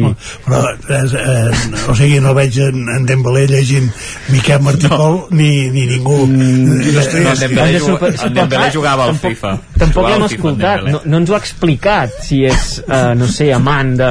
no, és això que diu l'Isaac jugant la, la FIFA jugant al FIFA sí que era un crac es veu, eh? que s'hi passava tota, fins, fins a altes hores de la matinada eh? vull dir que això sí que s'ha confirmat eh? Sí, sí, bueno, és, és això. Veurem, veurem com acaba i si el Barça es pot reforçar. Jo crec que és important reforçar-se i tenir més, més recursos, tenir més futbolistes perquè eh, s'ha d'assolir aquest objectiu de, de la Champions. Crec que dissabte que ve ve l'Atlético de, de Madrid, es juga contra l'Atlético de Madrid. Per tant, ara sí que ja entrem a la fase eh, decisiva de la, de la competició. La, la, la Lliga ja sabem que se l'emportarà al, al Madrid per tant, la feina Ostres. que li queda al, al Barça el Ostres, aquesta, quina afirmació, eh? M'encanta, m'encanta. i sense... Això és per fer un gafe o alguna cosa Bueno, així? no, però sense cap pressió el Barça ha d'anar- tirant amunt i després veurem, veurem on, on som a final de temporada. si perdeu contra l'Atlètic de Madrid eh, comences a, a, a, a rumiar ja com està l'Europa League per la temporada sí. que ve Home, és sí. partible, eh, l'Atlètic contra l'Atlètic Sí, sí, sí. Sabria més greu amb altres, però, en fi. Va, eh, ho deixem aquí, tornem les... No és que no sàpiga més greu, eh, però ara mateix sent realista és més fàcil perdre amb l'Atlètic de Madrid que amb un altre. Va, eh, ho deixem aquí. Gràcies per ser-hi, Guillem Freixa, Lluís de Planell, Isaac Muntades. Fins la, era, fins la setmana que ve. Adéu, bon dia. Adéu, adéu vagi bé. Adéu, adéu. Acabem el territori 17, també us hem acompanyat Peva Costa, Isaac Muntades, Guillem Sánchez, Guillem Freixa, Òscar Muñoz, Esther Rovira, eh, Caral Campàs, Eloi Puigferrer, Lluís de Planell, Jordi Senyor i Isaac Moreno. I tornem demà a partir de les 9 del matí. Adéu-siau, bon dilluns.